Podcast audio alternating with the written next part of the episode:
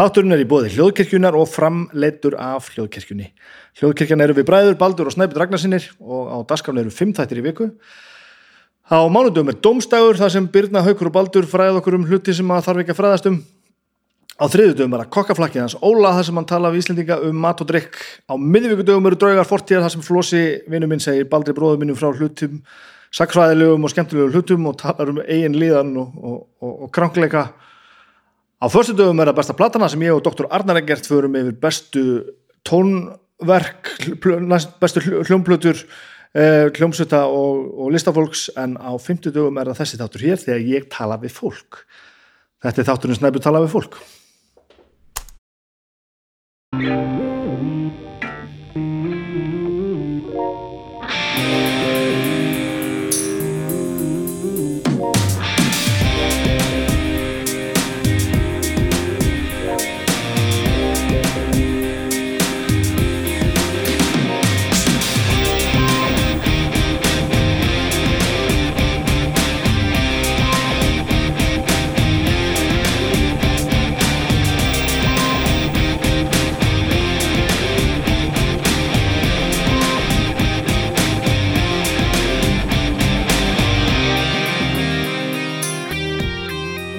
Já, komið sæl, verið velkomin í þáttur minn, snæpur tala við fólk.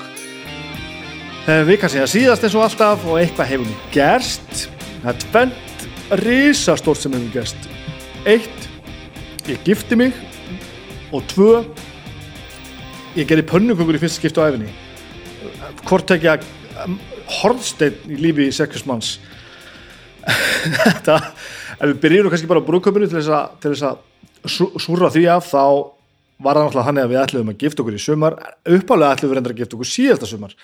En það var ákveðið með svolítið stuttum fyrirvara vitandi það að fólk ætlaði að koma frá útlöndum og svona hann að við í staðið þess að stressa okkur þá ákveðið við bara að fresta því um ár og, og ætluðum að gera þetta semst núna 2020 8.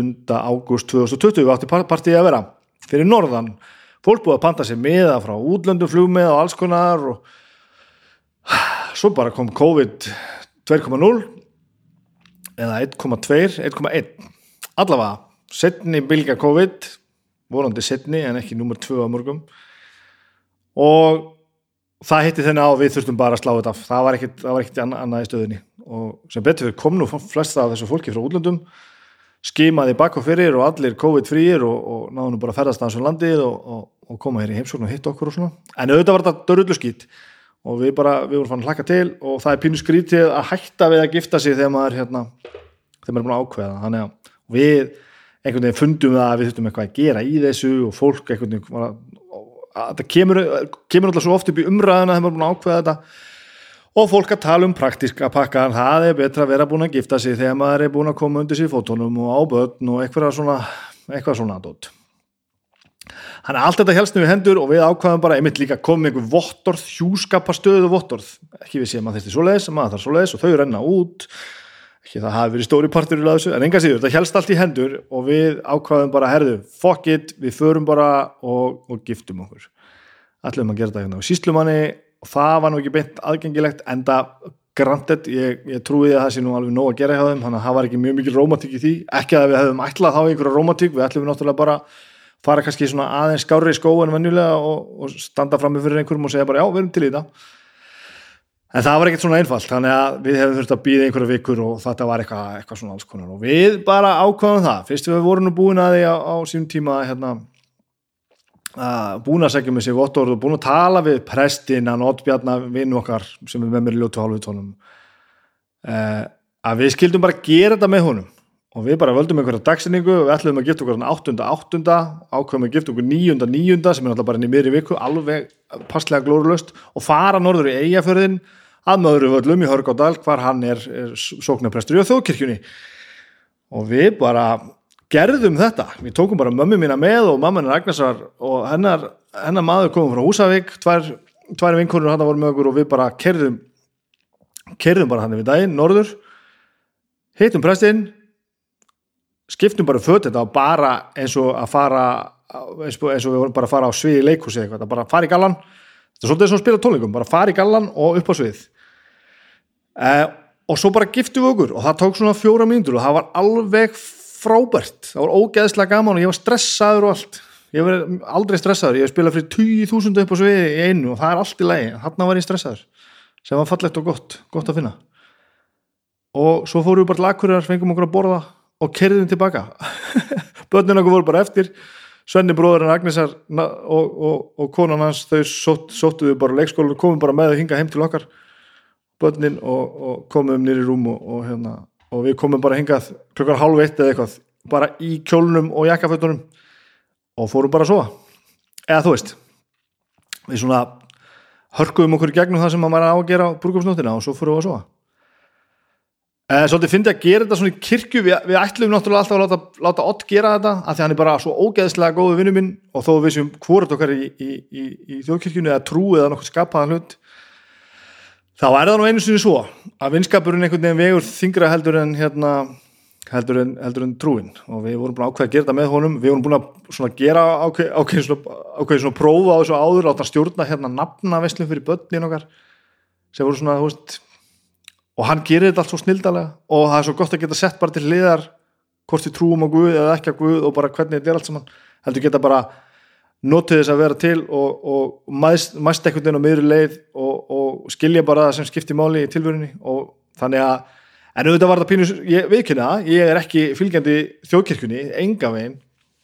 En það var skrítið að stíka inn í kirkjuna og gifta sig þar en mér fannst þóldið mikilvægt að, að ekki, vera ekki bara gauri sem rífu kjáft um hvað aðrir hafa rangt fyrir sér held, og, og heimta það að þetta fólk stýi skrefið í áttunum tímin heldur fjandin hafið það get ég þá stíð skrefið áttunum til þeirra.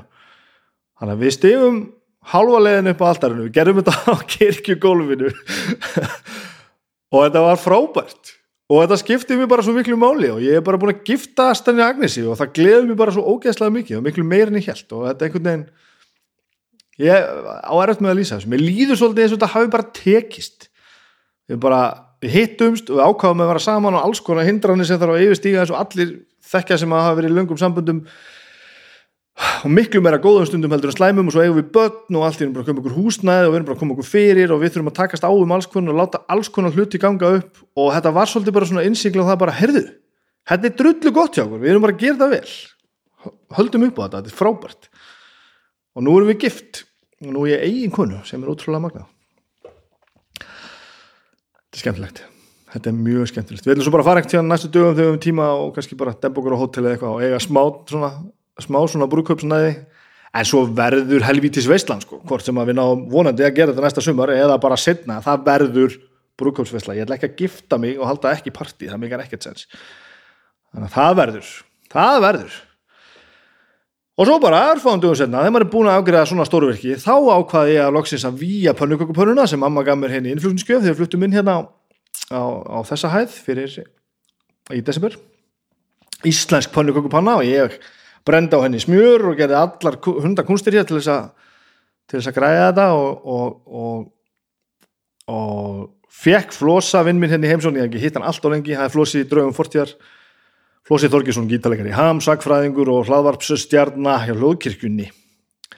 Hann, ég sá hann auglýsa til, til auglýsa gefins, alltaf að gefa hérna hérna, gamlar AD&D bækur Advanced Dungeons and Dragons bækur sem að hann var einhver, einhver tiltækt og ég sagði, ég er besti vinnuðin hlósi þú er að gefa mér þar þó ég sé ekki að spila alveg sama D&D í dag eins og, eins og þetta, þá er þetta, þetta er skemmtilega bækur. Þetta er líka, þetta er bara frá því að ég var að spila þegar ég var unglingur þetta kerfi spilaði maður þá, þannig að hann sagði já það er frábært, ég skal gefa þessu bækur. Ég, ég kem með þér í heimsún, ég sagði já Flósi, við erum óskipulaði menn, ég er búin að ákveða það þú kemur hérna á lögadaginn ég ætla að gera pönnukökur í fyrsta skipt á æfinni, from scratch. Sem ég á gerði. Og hann kom og satt hérna í marga klukktíma og við vorum með Lilju að Baldurs bróður í pössun, hérna og svo var vinkonar og önnu dóttur okkar hún var hérna og fjögur börn og flosi og pönnukökur og allt brjála þetta var, var, var skemmtlegt þetta var, var lögadagsparti og pönnukökunar, þær voru ljótar. Það voru djöfull ljótar en þær voru djöfull góðar. Ég verði góður í þessu. Ég er að spá í að fara að gera þetta bara í hverju viku, bjóða hér ólíklegu fólki. Ekki að flosi sé mjög ólíklegur en kannski fólki sem að mér finnst að ég umgangast oftar. Kannski aðeins að missa sambandi við fá það hérna í kaffi á um helgar og gera pönnukökur og æfa mig og æfa pönnuna, mér er sagt að pannan þurfi að venjast, pannan hennar pönnukökur pannan hennar mömmu var vist einu svona silfur grá eins og mín, en nú er hún orðin kólsvört og við brend og þá loðir vist minna við pönnuna sko. Þannig að ég þarf að, ég þarf að vinna mér inn fyrir, fyrir, fyrir því. Þetta lofaði góðu og það voru ekki alveg eins ljótari að vera að lýsa hérna yfir en, en, en ég held ég getur góður pönnukökur bakari, þetta er, þetta er gott. Þetta er mjög gott Georg Holm er gesturinn í dag. Georg Holm er uh, bassaleikari í hljómsveitinni Sigurús stórmerkileg hljómsveit uh, eitt okkar allra, allra stærsta nafnin tónlist frá upphafi. Saga náttúrulega gríðalega stór og orðin bísna löng og bara ógeðslega gaman að tala við hann um þetta allt saman. Ég er aðdáðandi ég er mikil sigur og sem maður hefur verið lengi og, og eða frá upphafi náttúrulega, þeir eru náttúrulega bara á aldur við mig og ég man bara þegar von kom út og svo vonbreyði og allt þetta og svo kom bara ágætt spyrjun og, og, og þetta breytti bara ansi miklu. Já, ég er nú svo mikill aðdánd ég, ég hef nú með þess að coverað lag með, með hljómsveitinni Sigurós hljómsveitinni Skálmöld hefur, hefur gefið út svona, aukaefnislag og það hefur komið með Sigurós tekkið nú því. Við gefum þekkjumst ekki neitt en við hittum bara á pubnum um daginn gegnum sameiginlega vinn okkar. Og við drukum saman svolítið og fórum eins og út að borða og eitthvað. Spjöldum ekki mikið saman þá. En ég spurði hann hvort hann væri til að koma eitthvað spjall og hann sagði já. Og það var ekki flóknar en það og þess vegna settust við niður hérna og spjöldum við saman. Eh, ég held ég þurfum ekki að bladra eitthvað meira um þetta, þetta við sátum hérna veldsporið og spjöldum og það var gaman. Hann, hann hefur margt að segja þannig að best að ég hætti að blara hérna og, og þið hlustuðu á mig og Georg Holm hérna við eldursporið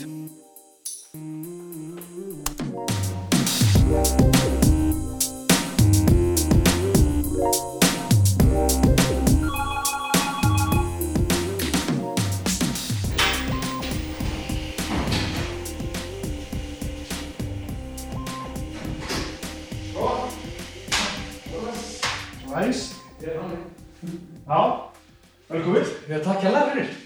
Ég er bara ekki alltaf þess, ef maður viljið eitthvað. Hæ, nei, ég er bara nokkuð góð sko. Sestu bara með, ég er búin að setja í gang og allt sko. Nú, hefur Þetta er bara eins og það á að vera. Nákvæmlega, undislegt ah, Hvað séru? Ég Takk, fyrir- takk fyrir síðast. Ég takk sem leiðis Þetta var góð Já, þetta er gott. Þetta hefða uh, Þetta Ég, ég, ég vakna Ég var alveg pínu fullur sko. Svo mjög gaman. Já, Þegar ég vaknaði morgun eftir bara Hvað var ég að gera þetta? Akkur vorum við þetta? já.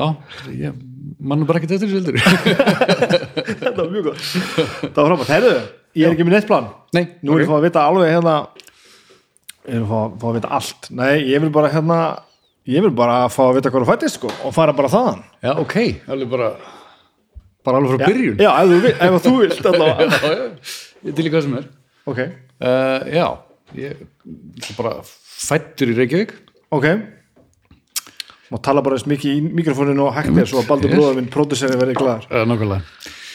Þetta er einmitt talandi um það, þetta er uppáhalds mikrofónum minn Þetta eru bestu mikrofónar í heiminum. Já, það, er er að nota þannig, það hvað sem er sko. Það er bara þannig. Það er alveg satt sko. Nei, já, ég, ég veit ekki, ég, ég fættist í Reykjavík bara örgla Já, jú, ég held mér þessi auktur nýrt ég fættist á fæðingadeildinni sem að var hann eitthvað tíman hann hús við hliðin á landspítalunum eða eitthvað svolítið okay. svona við höllum að fara alveg í að allt. Uh, Já, það er, það er rosalega stutt síðan að ég áttaði með okkur pappiðin er. Já Ég bara hef ekki hugmyndu það. En svo þegar maður fattar það bara, já, að mega sens Já, pappi þess að stöðum Haukur Hólm, hérna, reyndar, við erum oft spurðir, ef við stundum saman við erum oft spurðir eh, hvort séum bræður eða fólk heldur við séum bræður frekar en hans er pappi minn Já, Já, ég oft pælt í því, sko, ok uh, sko, er, er, er þá er þetta móðgum fyrir mig, er þetta hrós fyrir hann eða þú veist bæði, eða get ég búist við því þá að líta svona unglega út þegar ég er hann eldri ég veit ekki alveg, hérna, veit ekki alveg hvernig þetta virkar sko. en, Hva, hvað, hvað var að gamallar átti því? Byrjum á því? Já, títur Já, ok, það er ok. akkur 20 ára millega sko. að, Þá gætu þið líka bara verið bræður sko. Já, ég raun og verð það er ekki- það var alveg hægt. Það er ekki alveg að Það er að vatn. Já, skjótt á þig.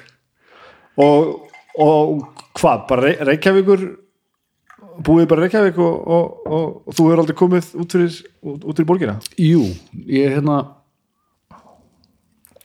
sem sagt, jú, ég, ég, reyndar, ég náttúrulega man ekki eftir þessum tíma. Nei, átt, átta mig á því. Já, en hérna jú, nei, við sko, ég, ég veit mamma er ekki að tala um, nei, hérna, hans ekki.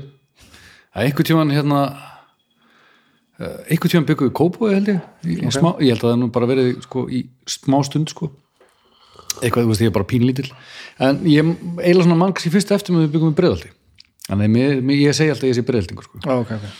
Þannig að hérna uh, já þannig að byggum hana í, í, í neðra breiðaldi í bökkunum ég man, man vel eftir því. Man var alltaf hérna man vel að við vorum að byggum í Heldabakka og beint fyrir utan var svona malavel og ég held að IR hafi verið með sérst, það var fótboltavöllur IR eða eitthvað sliðis Já, ok. Sem var þarna fyrir utan, ég man alltaf eftir því. Hérna, Þannig er bara húsavík og veit ekki neitt sko. eh, nei, IR, sáðu það? já, Já, já, ok. Það er hérna uh, já og setja þetta á mute hérna þannig að Þannig að að úri sitt á mjút sko. Já, ég veit að þetta er alveg flókið það er alltaf, alltaf flókið sko. Að sko. og, hvern, og hvernig hérna á sískinni? Já, ég á tvo bræður, Ok yngri bræður um, Kjartan Hólm, tónlistamæður uh -huh. og Starri Hólm, tónlistamæður Já, já, já, þið eru sem sagt. Já, Já, og hérna uh, allir sama pappa en engin sumum mömmu. Já það er svoleiðis. Já. já. skemmtilegt. Það er gott partí. -hmm. Þannig að þú hefur þá vantarlega ekki alveg sérst, mamma en er þá ekki mamma og pappi ekki á sama heimilega eitthvað? Uh, Nei, allavega, nei. Sem hefði verið mjög svona umbralind skulum við segja.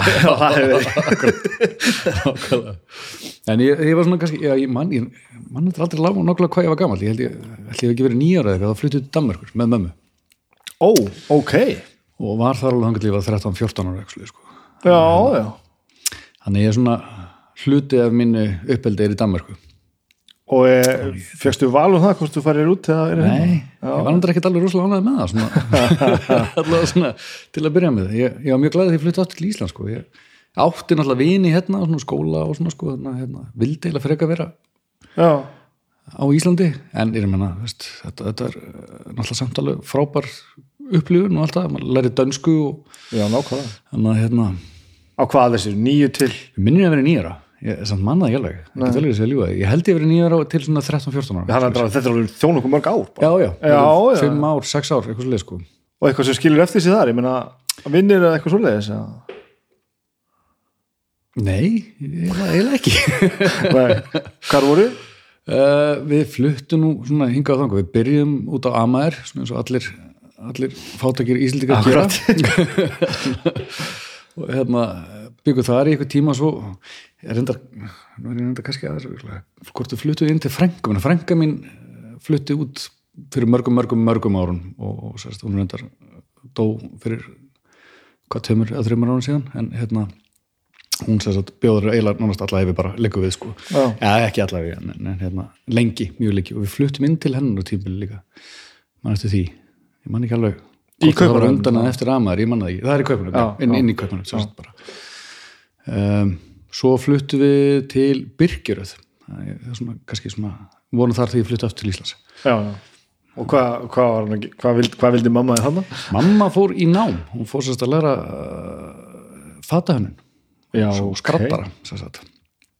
þannig að hérna að ég var bara eitthvað að flakka á milli ykkur hundliðilega danska skóla og Já, já, já þóldið ekki. Og varst ekki ánað með það? nei, ég var ekkit rosalega ánægð með Já, nei. Ég hérna var ekkit svona, þú veist, kannski eftir og ekki, jú, jú, það var fínt að hafa búið þarna hérna, og, og þú veist, ég hef ekkit um mótið að búið þarna svo sem aftur en, en, en hérna en það var eitthvað, eitthvað við Danmark sem ég var ekki alveg. Og svo eh, sem skrítið sko, því að ég, maður er svona að- að að dönsku mættum eiginlega sko er þetta nafn er það? já, ég held að, sé, held að það sé komið frá Danmarku sko. Ég var eitthvað að skoða á internetinu og þú ert alveg 50-50 með ó og ekki ó Er það bara því þú ert svo international það sem það komandi eftir út bara? Það er svolítið furðulegt sko að mjög fáum text að skrifa nafnum rétt. Uh, meiri segja í útlundum og er er eiginlega verra með útlenska blaðamenn.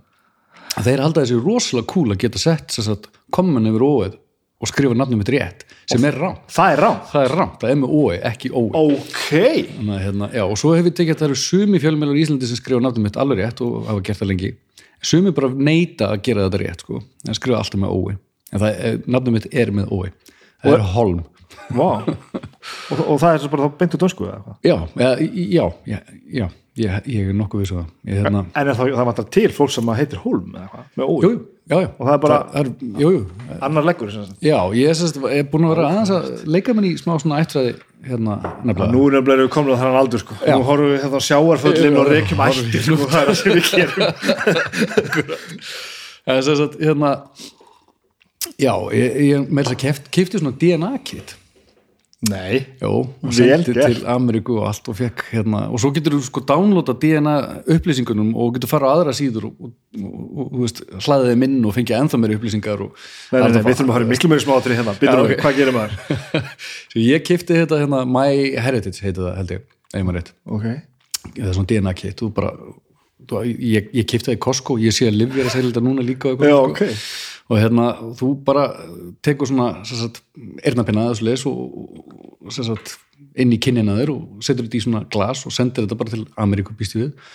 Og það er tveim vikum eftir að þeir taka á móti þessu þá bara færðu bara sagt, prófíliðin bara, þú veist svona heilsufars meðal hans, hva, hva, hvað þú ert líklegur til þess að verða veikur af hvað er mjög ólíklegt þú verður veikur af, veist, alls konar svona bara, veist, og svo ferðu þess að líka hérna hvaðan þú ert.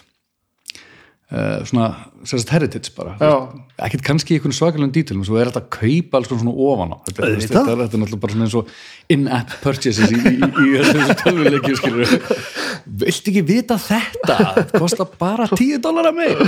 En hérna þannig að ég, ég, þú veist, ég náttúrulega fór all in svo sem keipti ykkur fleiri upplýsingar. En ég, ég komst að því að ég er hvort ég er 60 eitthvað prósent skandinaviskur mm -hmm. Danmörk og Norugur aðalega, Danmörk og Norugur uh, svo er ég restin þá er ég sagt keltneskur, ég er sagt frá Írlandi eða. Skotlandi. Ok, eða Englandi, reynda líka. Það er eitthvað, eitthvað svona hluta Englandi þannig í þessu líka. Og, hérna, og ekkert annað. Ég er bara svona bara rosalega norður evrópskur eitthvað, hérna, sanga DNA-inu mínu þannig hérna, ég var að vonast til eitthvað spennandi. Já, nákvæmlega. eitthvað svona asískur eða eitthvað af hverju? En, en verður maður ekki hérna, ekki að það sé ekki nýtsamlegt verður maður ekkert nött að vita þetta sjúkdómamál allt saman? Jú, þetta er samt, mér fannst það nú ekkit eitthvað það nákvæmt, þú segir svona, já, það, þú veist svona, svona, svo ég sletti svolítið á ennsku, svona slightly higher risk af einhverju, þú veist, slightly lower risk, þetta segir mann samt ekki neitt einhvern veginn, bara, ok, jú, ég, það er kannski minni líkur ég að fá þetta, en það þýðir ekkert að ég get ekki fengið eitthvað, skilur, nei, nei, nei. Þannig að, hérna, en ef einhver segir það og, og eigir svona frekar tendens til þess að fá hjartaáfall en maður þá ekki endur bara jú, Hvað er þetta? ég er endar, ég er kannski verða veikur, ég er kannski verða svona óþarlega svona, svona, hvað er að segja, svona paranætt eitthvað, já, yfir það. rosalega mikið um hilsina, breytir mataræðin og allt, sko. já, varst þú út af þessu? Nei, ég bara, veist, ég veit, ég veit ekki. Ég held að það bara komið með Ég, svona, ég veit. það það við, rosa mikið að pæli í við erum bara að gera nákvæmlega þetta. Allt í einu fyrir eitthvað að hugsa já, nákvæmlega, er svona það fylgir líka því að maður fyrir alltaf að finna pínu fyrir því sko. já, að þetta er maður gætt drukki bara gasolíu ég veit það, það skipti engum það máli. og svo allt í einu bara, herru, nú er eitthvað skrítið sko, bara, já, þú borðaðir, þú veist ost í gær, eða eitthvað svona fára akkurat, og þú- og þú bara finnur fyrir því skilur þú veist, daginn eftir, það, það er mjög skrítið. Þetta er svo, mér, finnst svolítið svona góð setning þegar hérna, svo Leonard Cohen sagði I ache in the places where I used to play. Vel mæl, þetta er lókvæðlega að sagða þannig að það er svolítið satt sko. Þannig að svona, allt í nefnum að svona lappa upp að niður tröppunar heima og svona, fyrir að braki njánum eða, ah, shit, ég festist í bakin og er alveg illt í bakin í veist, fjóra daga eða eitthvað, þú veist, þetta er svona ok, það er kannski þarf aðeins að fara að hugsa um heilsuna. Fekk ég, ég myndi svona einhver öxluna um daginn sem var að kvarf ekkert sko. Já, og þá myndi svona fó- fór maður svo, ó, ég hef verilega sofið á þessari hliði nótt. Bara, hvern, hvern, hvenar vissi maður það og hvaða hlið þú svafst? Nákvæmlega. Er þetta sko. Þetta er einmitt, þetta er alveg en er pappiðin er ekki, þú veist, hann er ekki Dani? Nei, nei uh, sko, er samt stutt í það þá? Já, sko, ég náttúrulega fór eitthvað að rannsaka þetta að maður, getur ferðin á Íslíka bók. Já, það er mjög skemmtilegt. Uh, en svo ákveði að fara, þú veist að, því að ef maður fer í svona DNA kit dæmi þá kannski getur maður fengið svona það gætu komið svona surprises af því að þú veist, það eru fleiri sem fari í þessi DNA próf sko, það, ég hef fundið, þú veist, það er fullt af fólki sem er veist, eitthvað svona mikroskilt mér eitthvað staðar, þú veist, í Noregi eða Danmarku eða, eða þú veist, Síska verða að Þýskalandi gera eða eitthvað, er sko. Þetta er nefnilega svolítið skemmtilegt sko. en ég segi að uh, langa langafi minn ef maður er rétt. Það er hérna, já, langa langafi minn. Hann hét sem sagt hvað, Jóhann Fredrik Holm eða eitthvað svo leiðis og hann var sagt kaupmaður á Ísafirði og rakk verslund þar. Ok, og, og Flateri líka, Flateri og Ísafirði. Þannig að hérna og það er, gengur eitthvað lengra aftur tilbaka líka sko, þannig að þetta er eitthvað svona það er eitthvað tengslatna við Ísafjörð og Flateri og nafnið. Mhm. Svo best ég viti. Ég ég þyrst til að hafa tölunum mína og hafa þetta fyrir fram en það getur bara sýndir þetta. Ég, þetta er svolítið svona erfitt að muna það. Ég held að nafnið sé einhvern veginn tengt þannig til, til og, Íslands. og er þetta þá þá er þetta að vera aðeins í margir holm á, á, á Íslandi? Já, ég, það er alveg, alveg slatti sko og öruglega margi sem að kannski skrifa á hólm með ói sko. Já, já, já. sem er kannski mögulega sama fólki já, það getur vel verið sko.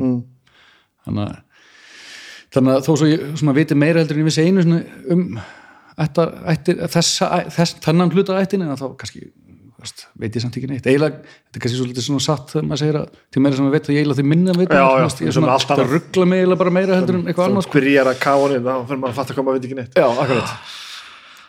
Geðvegt, svo kemur þú heim já, kem heim. Og fegin að koma heim sem sagt. Já, mér fannst það rosa gaman sko. Ég, ég hitta gömlu vinnum, fór bara aftur beint í sama bekk með gömlu vinnum alveg æsku vinnum sem er búin að vera saman í veist, síðan var sex ára sko. Það var svona og alveg bara fittaði strax inn aftur sko. Þannig að það var ekkert, mál sko. Bara mjög gaman. Um, fór svo já, ég kom beint heim og fór beint í rétt og ég man það sem var sem er, er ágæti skóli en hann var kannski svolítið skrítinn þá. Það var svolítið mikið við millinga það sko. Var bara- eiginlega daglegt brauð bara eitthvað slagsmál. Bara stjórnleysi algjört, sko. algjör stjórnleysi, algjör geð ekki þannig að hérna ég missi svolítið af öllu þessu sko. þegar maður er bara utan á landi þá ferðu bara í skólan sko. já, já, já, og þú þekkir eiginlega þá bara fólk sem er í skólanum sem að þú, þú veist og það er engin svona samanbörðu sko. nei, nei, akkurat nú í, þessum viðtölum er alltaf sko, já, svo fór ég þennan skóla og þennan skóla og það var meira svona og kannski meira þetta náttúrulega í sko mentaskólanum en enga síðan, maður finnur það bara, já, svo var þetta svona þarna, eins og þú ert að segja núna sko. já, það var eitthvað svona deild þarna í réttaráskóla sem var svona já, svona fyrir svona erfiðari krakkana þannig að það var svolítið svona, var svolítið klass sko, þú veist.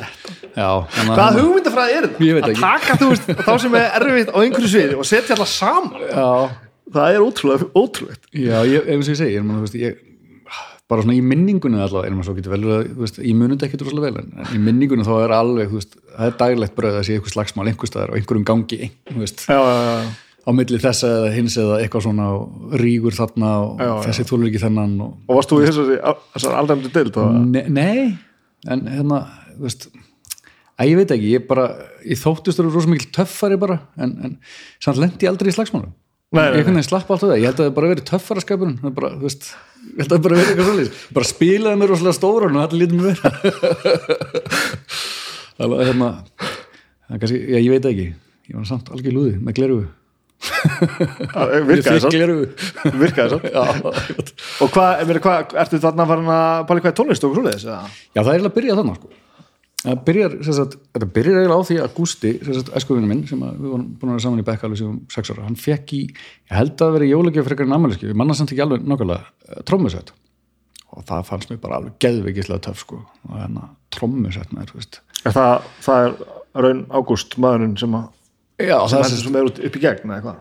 Að það, það er trómbarinn Sigurós Eh, Já, Það er bara sá maður. upprunalega trommarinn í Sigurós og hérna og mér fannst þetta bara, þetta bara geggja sko, hérna, og, og við náttúrulega bara, veist, ok, hann er komið trommusett. Þá vantar mig bara eitthvað, þú veist, gítar eða eitthvað, veist, og þá erum við komið Já.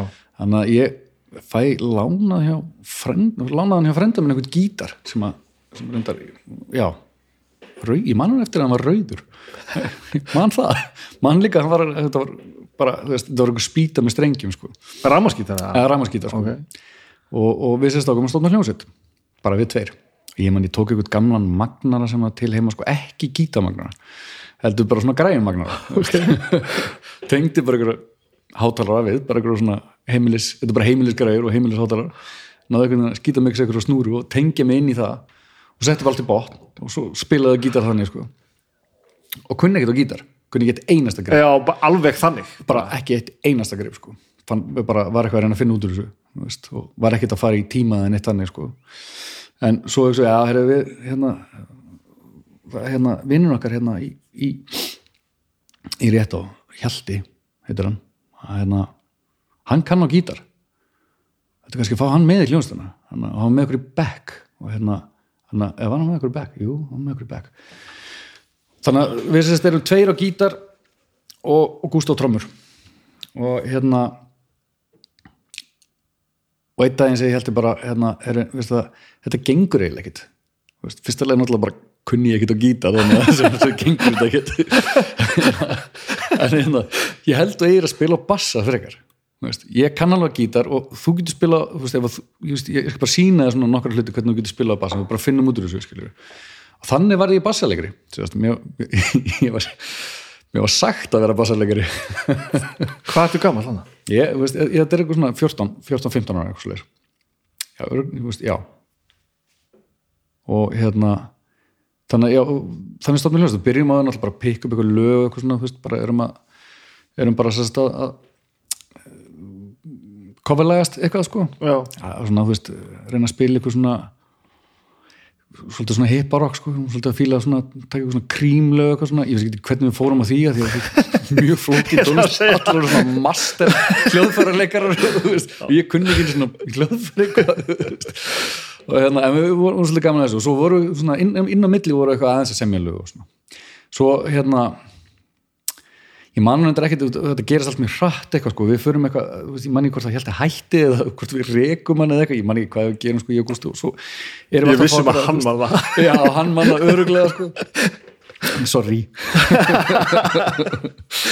Hérna og við sérst, erum eitthvað svona að skiptum gítalegara bara svolítið eins og nærbuksu sko, veist, erum, erum eitthvað svona að leita. Ég veit ekki alveg hvað það er sko. En þið eru svolítið alveg í hljómsi þetta Já, já, hún er alltaf skipt um natt líka sko. Og með Já, við erum eitthvað að flakka með eftir, sérstaklega eftir einu sem við vorum með það var hérna, hérna það búið að rífa þetta hús. Það var hérna í hérna skútuvói eða eitthvað svona, þú veist. Já. eitthvað stað þar. Og og þar hérna, ég man eftir það þetta, er, þetta var eitthvað svona þetta var eitthvað svona fiski innar fyrirtæki, ekki samt í fiski innar framlega græðunar, þú veist eins og troll eða eitthvað svona, eitthvað svoleis og ég man alltaf að þeir voru alltaf með epoxy lím eitthvað og hérna rosalega stert lím. Og þau voru allir með grímur þau voru að vinna hana nema þegar við komum á kvöldum í litli kompan á æfingurísnaðinu var við alltaf ekki með grímur. Mann eftir það, eftir hverja einustu æfingu komum við heim með brjálan hausar svimaðil gæðveikt sko. hvað maður var að gera eins og við vorum að tala en núna gætum maður þetta ekki maður er eldri. Nei, svona, svona óbeint sniff. Mjög óbeint sniff þannig að hérna, en já, sérst, við erum alltaf skipt um uh, gítalegu og við erum þarna komnið sko í sko uh, Gústi fyrir að læra prentiðin, þannig að hann er í yðinskólanum ég var svo mjög tossi að ég vissi ekki einu svona, sko, var náttúrulega í haustum ennþá nýfluttur í Íslands en ég vissi ekki maður að sækja um í framhaldsskóla. Og þannig ég endaði sérst í yðinskólanum bara eitthvað svona almennir braut ekki að læra neitt basically. Okay. en ég sést í innskólinu með honum ennþá þannig að það var ekki frábært þannig að við hittust alltaf í frímundum eitthvað svona. Okay. og þar kynnustu sérst Jónsa. Þá er hann í hérna uh, þá er hann í hljómsveit og hann var, var við fórum á, á músiktilunum þá var hann, hann var sérst í hljómsveit með minnum hann hefði hitti Stónd okay. við sáum það að spila á músiktilunum eða hvort við sáum það bara að spila okkur giggi það getur líka velur, ég man, man það ekki alveg nokkulega þetta er svo langt síðan sko en við sérst bara kynast honum, verðum vinir. Og svo fyrir eitthvað svona aðeins að sérst, spila eitthvað. Saman, saman sérst, eitthvað svona að hann kíkir í heimsókn í æfingrúsnaðu og, og þú veist, og við erum eitthvað aðeins að spila og... hann er ekki með ykkur í einskólunum eitthvað? Jú, hann er sérst í einskólunum þið kynnist í einskólunum já, við kynnist í einskólunum það er epist já, og hann er sérst, hann er hann er að læra eitthvað svona eins og tækni teiknun eða eitthvað svona, okay. sem hann fannst alveg ógíslega veð þú veist, að teikna beina línur sem hann þóldi en sérst, já, og ég reynda svo eftir að, þú veist, fer ég í hérna, já hvort þú vorum búin að stofna hljóðstæðinu það, ég man það ekki alveg, við endum með því að fara í sérst, fellahelli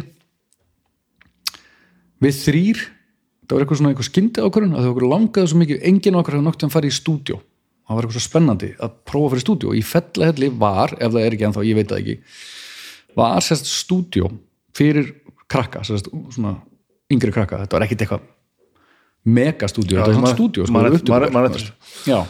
og hérna við sérst förum bókum hálfan dag eða eitthvað svona í þessu stúdíu bara til þess að gera eitthvað. Og við förum og tökum upp lag sem að Jónsi var náttúrulega búin að semja sko.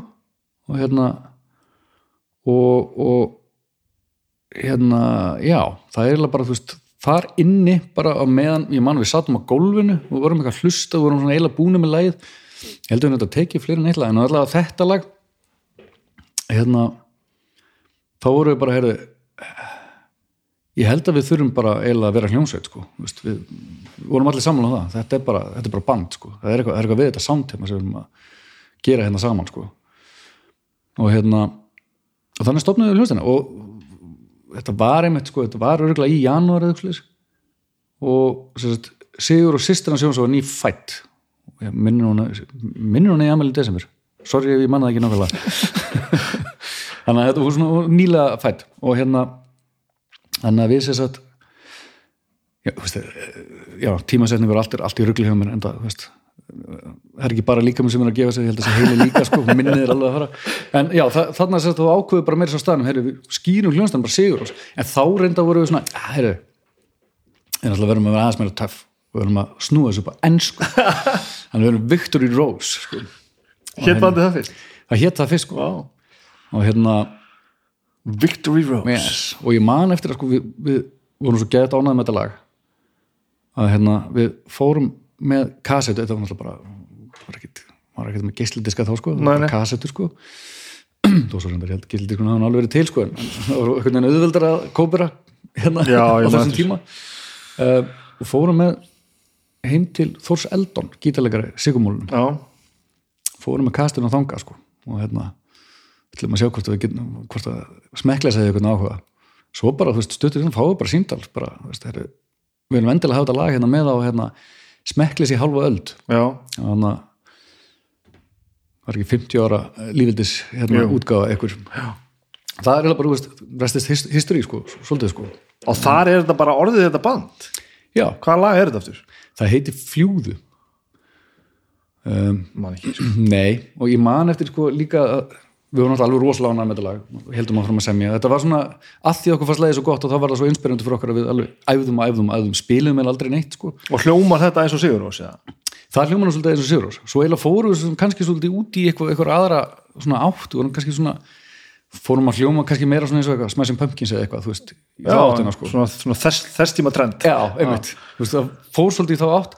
Svo einhvern veginn náðum við aftur tilbaka í þetta, þetta sound að, sem að var svona uppröðlega soundi sem voru svo hrifnir af sko. En hvernig anskotanum gerist þetta svona án einhverja þróunar? Hvernig verður þetta til?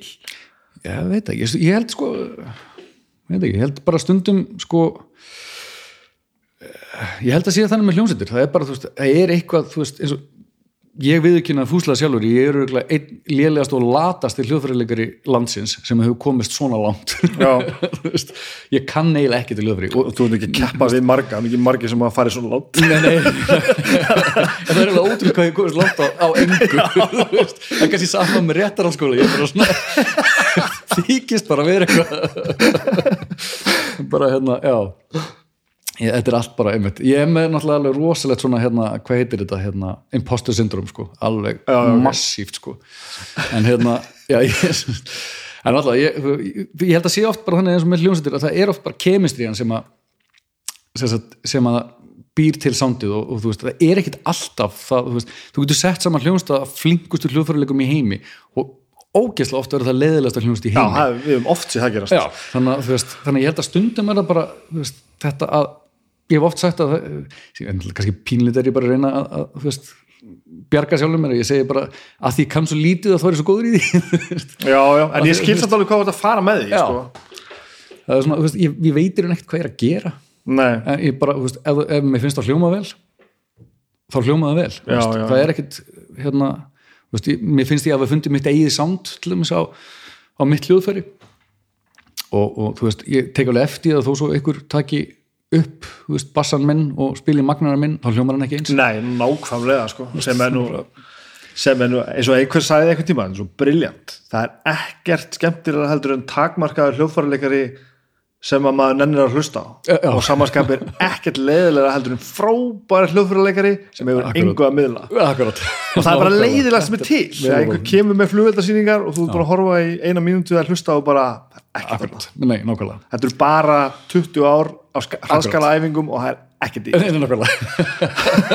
Já, líka, þú veist, ef, að tónlistin fyrir að hljóma eins og æfing, skilur þú veist, Já, já, sé það, bara að sig. rétt, rétt. Þú veist, það er ekkert passion í því, skilur þú veist. Fyrir mér er að spila eina nótu þú veist, liggu við þú veist það er 80 sekundum skilur en gera það bara svo ógeðslega vel. Já. að það bara, þú veist þetta er bara, þetta, þetta, þetta, hver nóta er nótan sem ég ætlaði að spila skilur, fyrir að spila 150 á veist, 10 sekundum veist, það var, sett ég allt mitt í þessa einu nótu. Ég reyna að gera það þannig alltaf. Og heldur þú að hafa hugsað þetta strax svona já, það var eiginlega svolítið svona attutið sem hjá mér, svona þannig að þetta er ekki, þú, þú ferð ekki svona svo pöngar en það er bara að gangast upp í það get ekki neitt. Heldur þú vilt gera það rosalega vel sem þú gerir. Já, já, já, en, en ég, er samt, ég er samt líka rosa latur og nenni ekki að læra nýtt sem er líka kannski svona svolítið galli. Þú veist, ég, ég er náttúrulega bara ég er hérna ég, ég, eins og ég kalla sjálfum með stundum the prince of procrastination sko. ég er hérna mér finnst það rosalega gott og gaman að gera ekki neitt.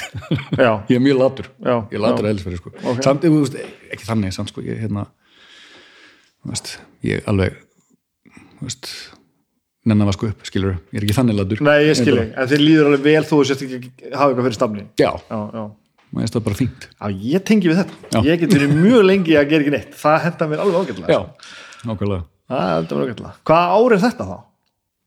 sem að, Sem að þetta lag er að koma út? já, það er þá það er bara 94 Já.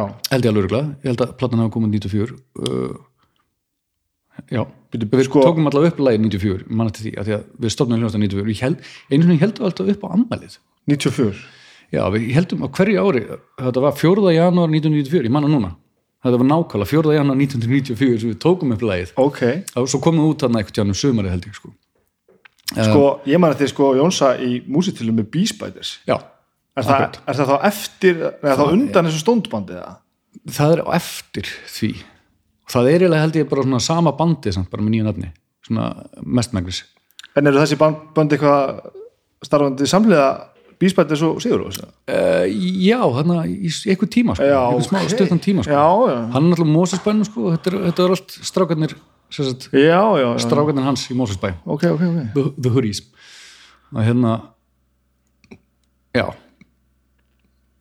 já, þetta, þetta er einhvern veginn þannig Og þarna verður þið bara hljómsett? Og þarna bara ákveðu bara þennan dag bara þarna inn í stúdíun ákveðu að við ætlum að vera hljómsveit og höfum verið síðan 20, hvað er þetta?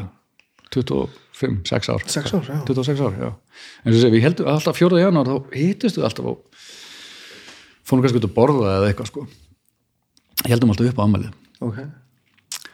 hérna, það er orðið það er ekki, við höfum alveg hættið því núna ég veit ekki hvað þetta Nó, þið gamlir. Þetta er er bara, kannski bara það. þú verður bara að kafa í ættfræði og, og, næringa, næringafræði. Þannig að við heldum upp á sko við, man, við heldum svona stóra amali, við heldum tíu ára amali eða, jú, held að það verið tíu ára amali 2004 þá heldum við risa partí sko.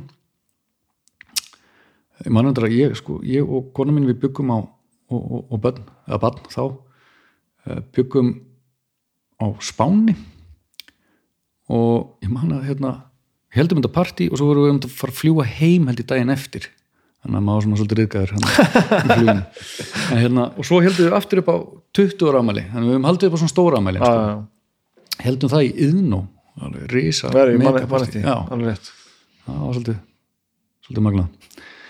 En já ég er já, og svo ef maður pælir í því sko, þá er maður búin að vera í þessari hljómsveit, þessi hljómsveit er búin að vera partur af lífum hans meir en helminga æfum Já, það er skeri, sko. það er svolítið skrítið sko Þannig að, hérna já, ég er búin að lengur hvað, í hljómsveitinu heldur en ekki Já, já, já, já. já. Hvað er fættið, 76? 76, já. 76.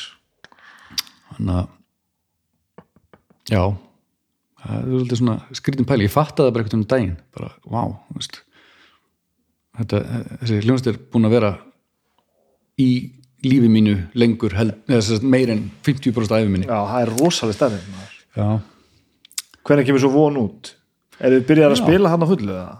já Það eru ekki já. mikið smassi pumpkins og von Nei, alls ekki, við vorum eiginlega kannski svona að finna sándið þarna Ok. einmitt, aftur, þannig kringum von sko. og hérna það var vinnur okkar sem átti sagt, í, í Mósusbænum og við fengum sagt, að taka upp á kvöldin og nætunar í stúdíónu gegn því að við myndum mála húsið að utan ég, klassísku Prince of Procrastination mætti held ég bara einn dag af, þú veist, mánuðinu sem við tókum að mála húsið.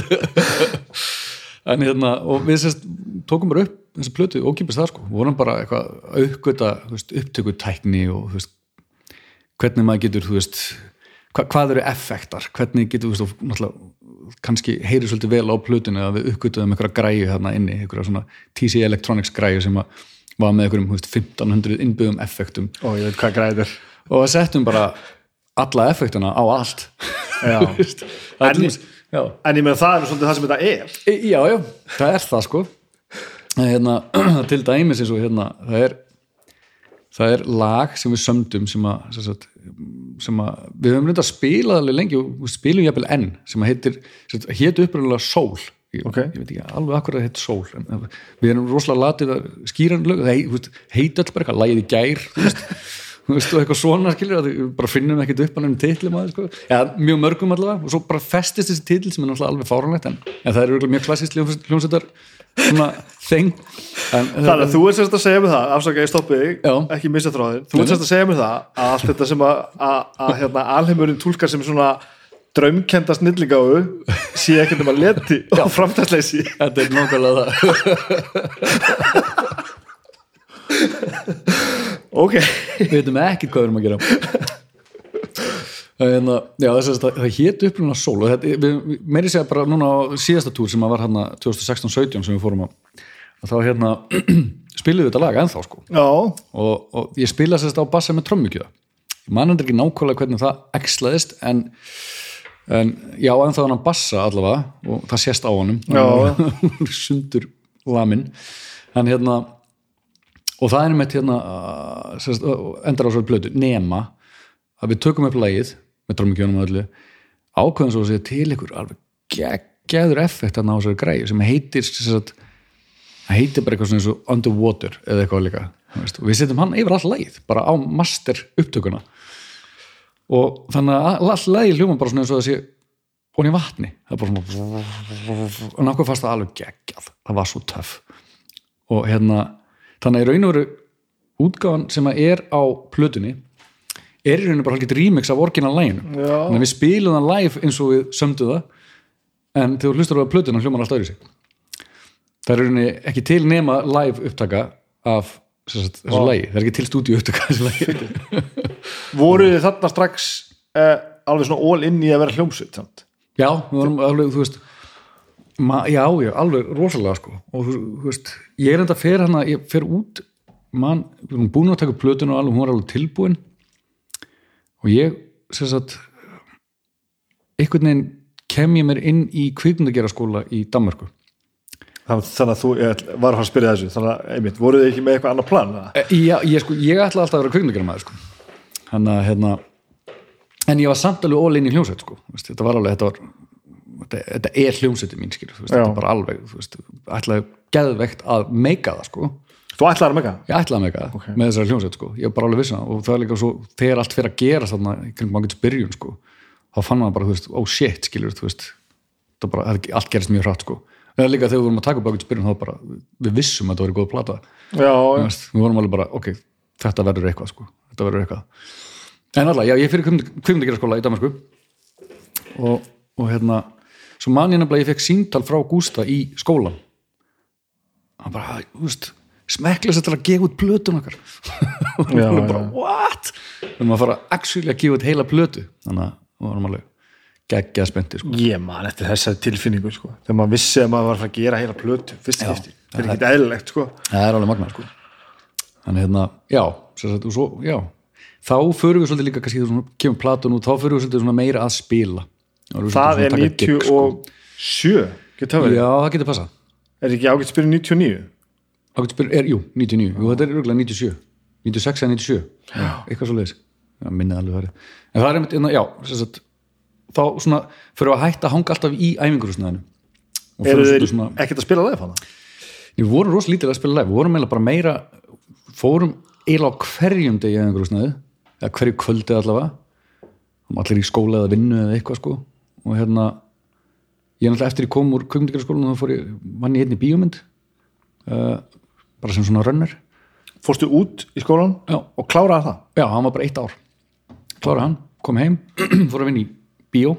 Fór svo sagt, eftir þessa einu bíómynd sem ég held ég að hann verið rekin úr eða hvort ég hætti, mann ekki alveg hvernig það var. En hérna, það var svona það er eitthvað óljóst. Svo fyrir að vinna upp á stöðu 2 sem fréttaklippari. Hérna, og er bara að vinna þar sko. og og millir þess sem við erum bara alltaf að spila og, og, og, þú veist, já, alltaf hverju kvöldi æfa, spila. Stundum fóru við sko í æfingarúsnaði og sömdum lag og klukkutíma setna voru komin á gig og spilum þetta lag það var alveg þannig að við bara sömdum og fórum bara beint og spilum það okkur, okkur giggi sko Já. það voru svona meira að spila heldur en heldur en áður sko. Alveg til í þetta. Það hefur verið svona svolítið svona bara fuck it og guns blazing bara. Já, það var eiginlega bara stundum var það bara, herðu, horfum á hvernig hann bara, herðu, munið hann að, riffið sem við vorum að gera hann, spilum það, þú veist, og bara veist, einhvern tímann komum við einhvern tímann á eitthvað gig og spiluðum bara ákvaðum að eitthvað ætti að vera í E og spiluðum í 30 mínútur bara eitthvað, bara eitthvað til bláin, sko. Stundum var það flott, stundum ekki. Og hvernig upplifir þú þetta? Að því að þú veist heimsbyðin er svona talum hann. Upplifir þetta náttúrulega sem einhverja svona, veist, og ég, basically, sem einhverja svona náðagáfu, sko. En þú talar svolítið um þetta þess að þau séu bara fávitar. Við erum fáið Ég er þetta, ég held sko, þess að segja á hann, þetta fyrir okkur er rosa mikið það tónlist er rosa mikið svona tilfinning sem að, ég er ekkert að, þetta er enga fréttir einna, sko, en tónlist er rosa mikið tilfinning og, og þú þarft ekki alltaf einhvern veginn hvað er maður að segja sko, ég held að, held að veist, tónlistin kemur innanfrá Já, ég, samt, ég skilja alveg, sko.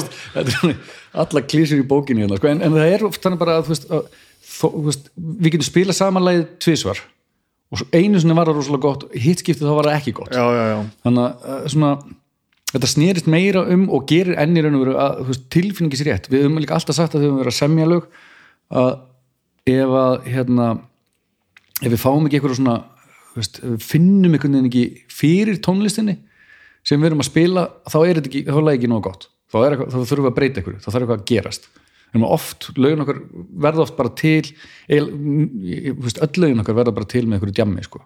það byrjar einhver á einhverju stundum er það trommutaktur, stundum er það einhver komið veist, þetta er svolítið töff sound veist, og svo verður lag til út úr einhver, bara einhverju soundi ekki, já. þú veist, ekki endilega einu svona riff sko. En þau ljótu nú á endanum að vera struktúruð þessi, minna þú hlustar á plötum með Sigur þá eru já, já, pródusjón í gegnum eitt lag er ekkert óvart Nei, það er nei. ekki spunni bara sem fara að ráða því hvernig, nei, nei, svo kemur það svona svolítið eftir á, sko. Já, já, já. svona, og svo líka þú veist, hjá okkur svona fyrst þegar við vorum að spila þá, það var eiginlega bara, þú veist við náðum kannski bara fundum eitt gott riff og spilum það bara gennum all lagið, nema við spilum það bara fastar og það er, þú veist uh, eða herra, skilur eða með distortion pedal eða eitthvað og þá er það bara skilur Það er bara meira. er bara nákvæmlega sama lagið nema veist, eða sama riffið nema veist, bara önnur tilfinning sett í það. Og er einhver fyrirmynd að þessu? Einhver, einhver, veist, eh, hver hver er áhrifin að gera þetta? Ég, ég held að sé bara allavega, allavega hér mér er örgulega bara, þú veist getur leysið sér hljófærileikari þú veist bara kunni ekkert betur.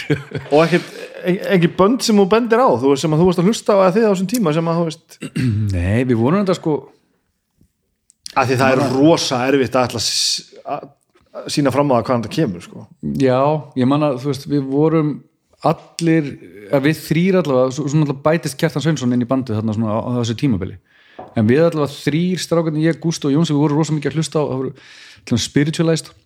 Já, og, og hérna Vörf líka, vorum svona fyrstu plötna með þeim. Svo já voru þetta sound kannski svolítið. Já, já, svona, já, Veist, vorum rosalega mikið að fíla það sko. Um, en ég meina, þú veist svo, þú veist, það sem að maður var samt rosa mikið að hlusta var bara, þú veist, og Neil Young og Led Zeppelin og svona, bara gömli vínilplötunar, þú veist, fóldrama sko. Um, þannig að, þú veist, já, ég veit ekki þetta er svona svolítið samsöða, þú veist Leonard Cohen, þessna sko. Já, já, ok. Þetta er rosa mikið svona bara, já, svona tilfinning sem að, svo, svo náttúrulega urðu við betri og betri með reynslinu og aldrinum að kannski svona tjá okkur, getur við sagt. Uh, hvað hva hljóma vel? Hvernig, þú veist þarf ekki að vera brú þannig í þessu lagi við erum betri og betri í að semja lög sko. þannig að hérna að þess að það kannski verið svona, einhver þróun á plötunum þannig sko. Svo finnst okkur alveg gaman að breyta um sound líka sko, þú veist, þú svo tekið eftir það til dæmis eins og kveikur veist, Mhm. mjög ólík bara, þú veist, valtara til dæmis, Já. það var alveg svart og hvítt þessar plötu sko, og ekki ára á milli það Það ára milli þeirra en samt að bara allt annað sound. Og hérna að það sko, þú veist þó svo sé allt öðru sig, þá finnst mér alltaf heyra okkur í þeim. Já, já, þannig að, þannig að ég held að við, veist, það er alltaf svona eitthvað DNA í tónlistinni sem við sitjum í hana en það er ekki svolítið bara sem að músikpressan er nú svo gefum þeim nú síðans líka sem er nú almennt sammála það virðist þér að eiginlega sam- sama hvað það gerir þegar stundum í aðrið er náttúrulega bara við að spila, spila þungarokk sko. sko. Og það er samt ekkert skrítið. Nei, og það er ansi magna já, og allt í nú voru byrjað að spila hratt. Já, já, og maður bara, eru að spila hratt? Það er rosa skrítið, það er samt bara, já, Já. það virkar Við, það er endar, við, það er, við sömdum nokkur nýr lögum daginn hérna, sem er endar ekki tilbúin sko. þú veit maður ekki hvernig það verður tilbúin það, ég ætla ekki að lofa neilum það sko. Ef það verður eitthvað tjón tilbúin, maður veit það ekki en hérna, það lag er alveg sko, ég aldrei ég, ég hef ekki ennþá náð að taka upp minn bassaparti minn almennilega því að það er svo hratt. Bara í næjónum ekki og voru að finna tísingræðina sem þess notuðu það við 90s og sulla henni bara yfir. Ég hef reynt allt sko, ég hef veist, delay petal og allt þess að feika mig í gegnum að spila svona rætt sko. Það er hérna verðarlega virka, ég, ég verð að finna út úr því sann, sko. en svo sem finnir sko, svo, veist, er alveg, ég man eftir að eitthvað tján, þetta er um að taka svegablötuna þá, þá vorum við í stúdíónu og erum við að semja lögin bara, já við reyndar vorum búin að semja flest lögin reyndar á svegablötuna það var reyndar skrítin plata því það var plata sem við vorum búin að túra en við tókum upp. Við vorum búin að spila lögin í kannski ár. Um, en það, ég man eftir einu leið það, það var bara eitthvað svona það var bara eiginlega markmiðið það var bara ákveðið frá bara mínútu eitt. Vorum ekki, þú veist, valla konum með nótu í leið við ætlum að spila það eins hægt og við mögulega getum það var bara, það var bara, þú veist það var bara sérst svona bara element nummer eitt ja, bara element nummer eitt, það, bara, það er markmiðið með leginu, við ætlum að spila eins hægt og við getum. Wow. og svo gerðum við það. Og það er alveg painfully hægt sko. en það er geggja lag sko. en það er líka, er þetta ekki kannski svolítið hérna, þú veist ryggurinn í þessari náðagáfu a- að geta tekið svona einfalda hluti og, og láta að verða að einhverju Jó, ég held einmitt sko, ég held að sé líka það. Við höfum aldrei neitt sérstaklega markmið okkur hefur aldrei neitt verið neitt sérstaklega sagt, að, að gera hlutina flókna. Þe- Nei, þetta nei. áeiginlega frekar að vera frekar einfalt, bara fallegt. Og, og melodía er key þú melodía er svolítið það sem að þú veist, það þarf að vera eitthvað gott þú veist, soundið þarf að vera rétt og allt það en svo verður náttúrulega að vera eitthvað falleg melodía. Það eiginlega gerir gott lag gott. Þannig ertu komin að einhverju sem að ég er nefnilega man eftir. Ég held að ég muni fyrst þetta bandinu þegar að vonbreyði kemur út. Þannig að rýmis, rýmisplatan já, já, já, þá einhvern veginn heyrði ég, það var eitthvað lag sem að hljómaði á exinu held ég viðstöðlust af því. Já. Sem ég ég- sýttum ekki lengur hvað er. sem er remixið okkar held ég. Getur það verið, Eh, hérna, leita lífi. Já. þeir eru ennþá að spila, ég já, heyrði það stundum já, já, já, það er nákvæmlega það. Já, það er er remix af lægi sem kom aldrei út það er einhvern ekkert remix. Við bara byggum til nýtt lag og settum það á remixblötun það lag er ekki í raun og veru á á hérna von. Svindliðum aðeins og þarna man ég þessu fyrst og þá var þetta svona eitthvað skrítið. Og ég hlusta á von og ég man að ég, ég tengdi ekkit sérstaklega við það sko. Uh, hvort ég bara gæði ekki tíma eða eitthvað, ég bara man það ekki. Svo man ég þegar ágætt spyrjum kemur út svo þurfum við að stokka þess tilbaka að hérna að, að þú ert að tala um þetta með melodíun á einfallleikan og þetta. Já. Ég verandi að gera það sem ég var að gera þá sem basically bara að spila punk Já. og þungarokk og við svona einhvern veginn í þessu og allir einhvern veginn að búa til eitthvað svona. Það var náttúrulega þetta, þú veist botleiðu, maus, stjórnukissa Akkurat. potturinn allir saman, sko. Alltaf æfingur úr snöðu okkar bara. Já, ekki, nákvæmlega. Ég man satt alltaf eftir þessar tilfinningu bara eru á mínum aldri og þeir þóra bara að gera fallega hluti. Eða þóra, ég hugsaði líka þannig. Já, já, og væmið sko, Já, innan einhverja gæsalappa en, já. en fattar hvað ég er að fara? Já, mér fannst þetta svona bara helviti, þetta gött síða að þú veist að nú ætla ég að semja fallegt lag. Það hafði ekki hvarla að mér að semja fallegt lag á æfin sko. meira svona teenage angst. Já, Hérna og þú veist bara brjálæði. hvernig vera sniðugur og vera öfgafullur þú veist og eitthvað svona. Hann bara, heyrðu, að því að mér fannst næstu því að það væri bara á ekki bara hérna, klassísku nörd að vera að sjá um þetta? Já, já, já. Já, það er eiginlega, þú veist, það er eiginlega kannski komið fyrir eitthvað setna hjá okkur Já, já, ná- kveik, já, sko. algjörlega. við erum bara ógæslega reyðir og brjálæði sko. en þú veist, við höfum alltaf alltaf, sko, við eiginlega elskum þessa línu líka að dansa með þess sem er eitthvað rosalega fallegt og, og, og, þú veist en svo kannski kemur eitthvað rosalega ljótt eða, Já, já, já. þú veist, að mómentið æsist einhvern veginn, skilur að þú þú veist, að það sé eitthvað svona, eitthvað svona spenna í tónlistinni já, já, svona að það, það býr til eitthvað svona sögu í læginu líka, þú veist, það er eitthvað svona veist, það er eitthvað rosalega fallið svo bara verður, þú veist hraðast takturinn eða, eða þú veist allt innum fyrir eitthvað að bjagast eða þú veist, það er svolítið gaman að finna líka eitthvað svona, að gera eitthvað fallegt með ljótum hljóðum, skilur Já, það er svolítið skemmtilegt, við höfum alltaf haft gaman að eitthvað svona fykta í þú veist uh, sándinu, sér satt að gera eitthvað óhefbundið við hefbundin hljóðfæri til dæmis. Já, já. þú veist eins og að spila bassa með, með eins og sérstaklega og með kveika þá vorum við brosa mikið að leika okkur að búa til hljóðfæri setja svona innan gæsalapa, búa til hljóðfæri er við kannski tókum upp eitthvað hljóðfæri og svo settum við það bara inn í tölvu og möppum það út á, á MIDI keyboard og svo spiluðum við það. Sérst, það getur verið hvað sem er ég manni, tókum einhvern tíðan eitthvað ukulele og sérst notuðum sellóbóga á það og svo bara byggum við til hljóðfæri og það hljóma svolítið svona eins og kannski svona eins og harmonium eða eitthvað, eitthvað svona skrítið eða, svona, eða meira kannski eins og hurdi gurdi þú veist, kannski frekar þannig. Já, já, já. svona rosalega hljóð sko. Það er svolítið gaman að spila og, og, og það var bara til lag út frá því sko.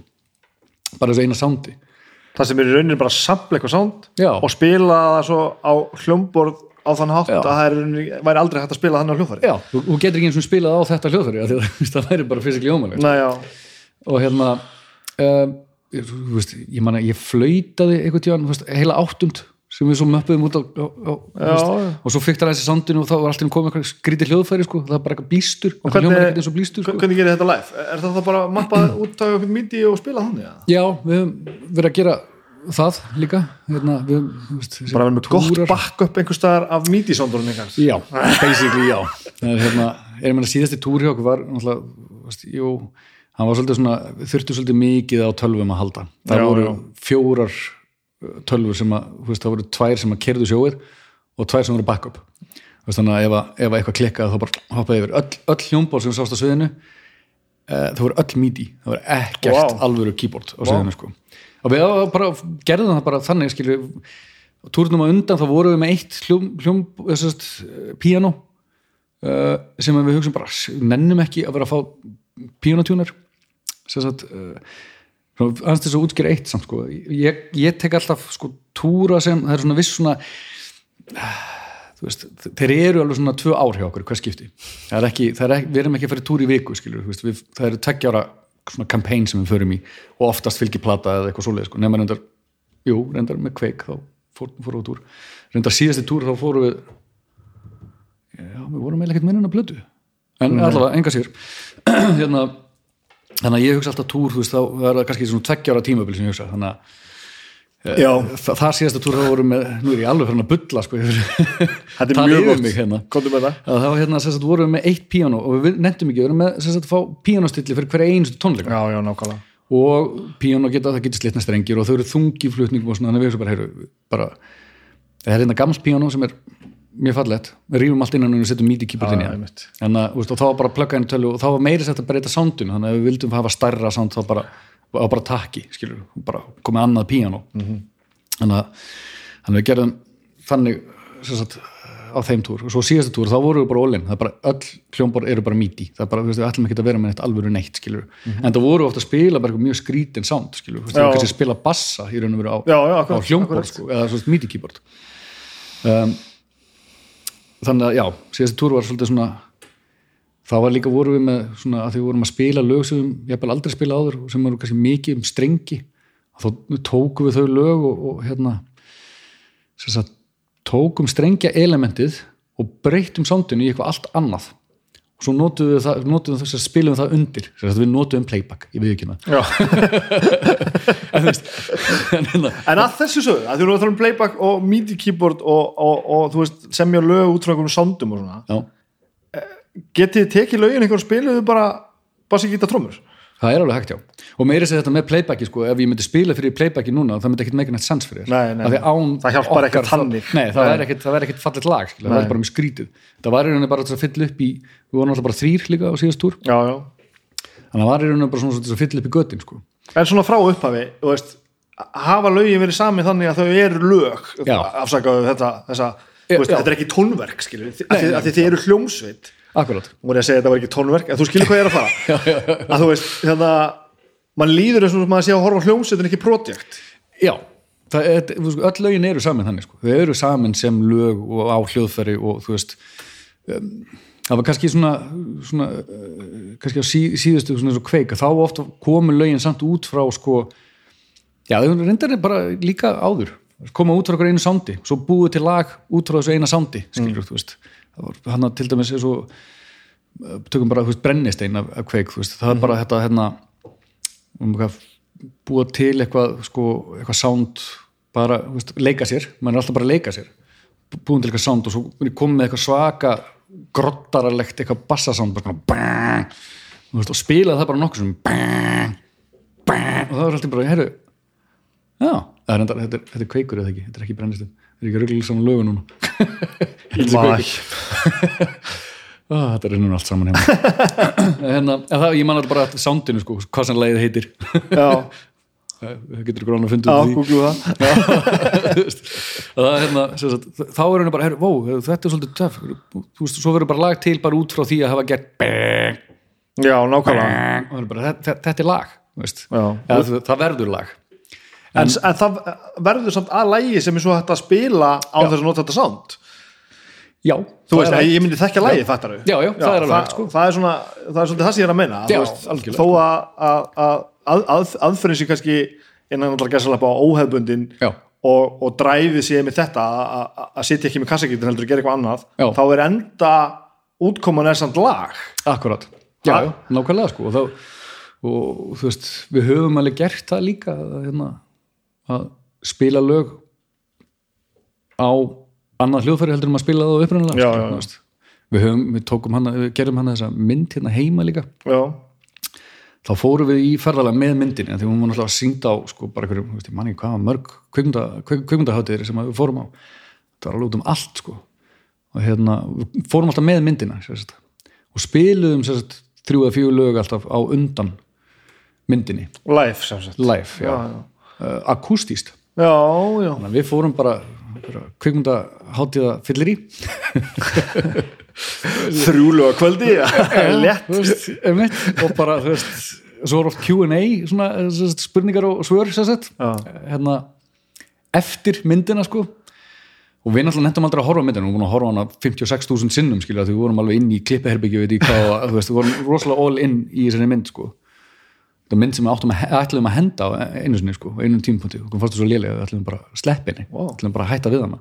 Svo kom Dýnd og Blas, leikstöri sem mjög, alveg út á svona, einhvern veginn svolítið left field, kemur frá Disney skilur, gerir Lilo Stitch kemur hann bara og bjargar einhverju rock heimildamynd hún hún er briljant. Já, hún, hún Það- er nefnilega ógæslega góð það er bara ekkert mjög langt síðan að horfa á hún honum er alveg briljant. Já.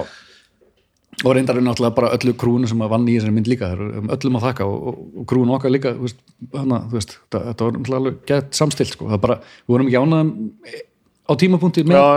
Í solt sko, svo kemur hann inn og einhvern veginn breytir hugafærinu og breytir myndinni, en allavega back to film festivals. Við erum á svona þremur tímalínum í einu. Þetta er mjög gott. er sko. Það komist, þetta verður í lagi. Lagar þetta bara í klippinu. Akkurat. Hérna já, við vorum sérst á og við erum alltaf, eins og ég segi, við spilum þessi þrjúlöðuna fyrir á undamyndinni, svo er myndin sínd og hún er náttúrulega eitthvað 75 mínútur eða eitthvað. Og við sittum baksvís alltaf og bara sumblum, þú veist, í ykkur baksvís herbyggi og alltaf þegar kemur hann að, að þess að Q&A-inu sko hann er alltaf við orðin svo söðdrugnir alltaf. Þetta var alveg bara einhver, einhver algjör þvæla þannig að veist, fólk að spyrja ykkur eitthvað og við bara svörum eitthvað hulli sko.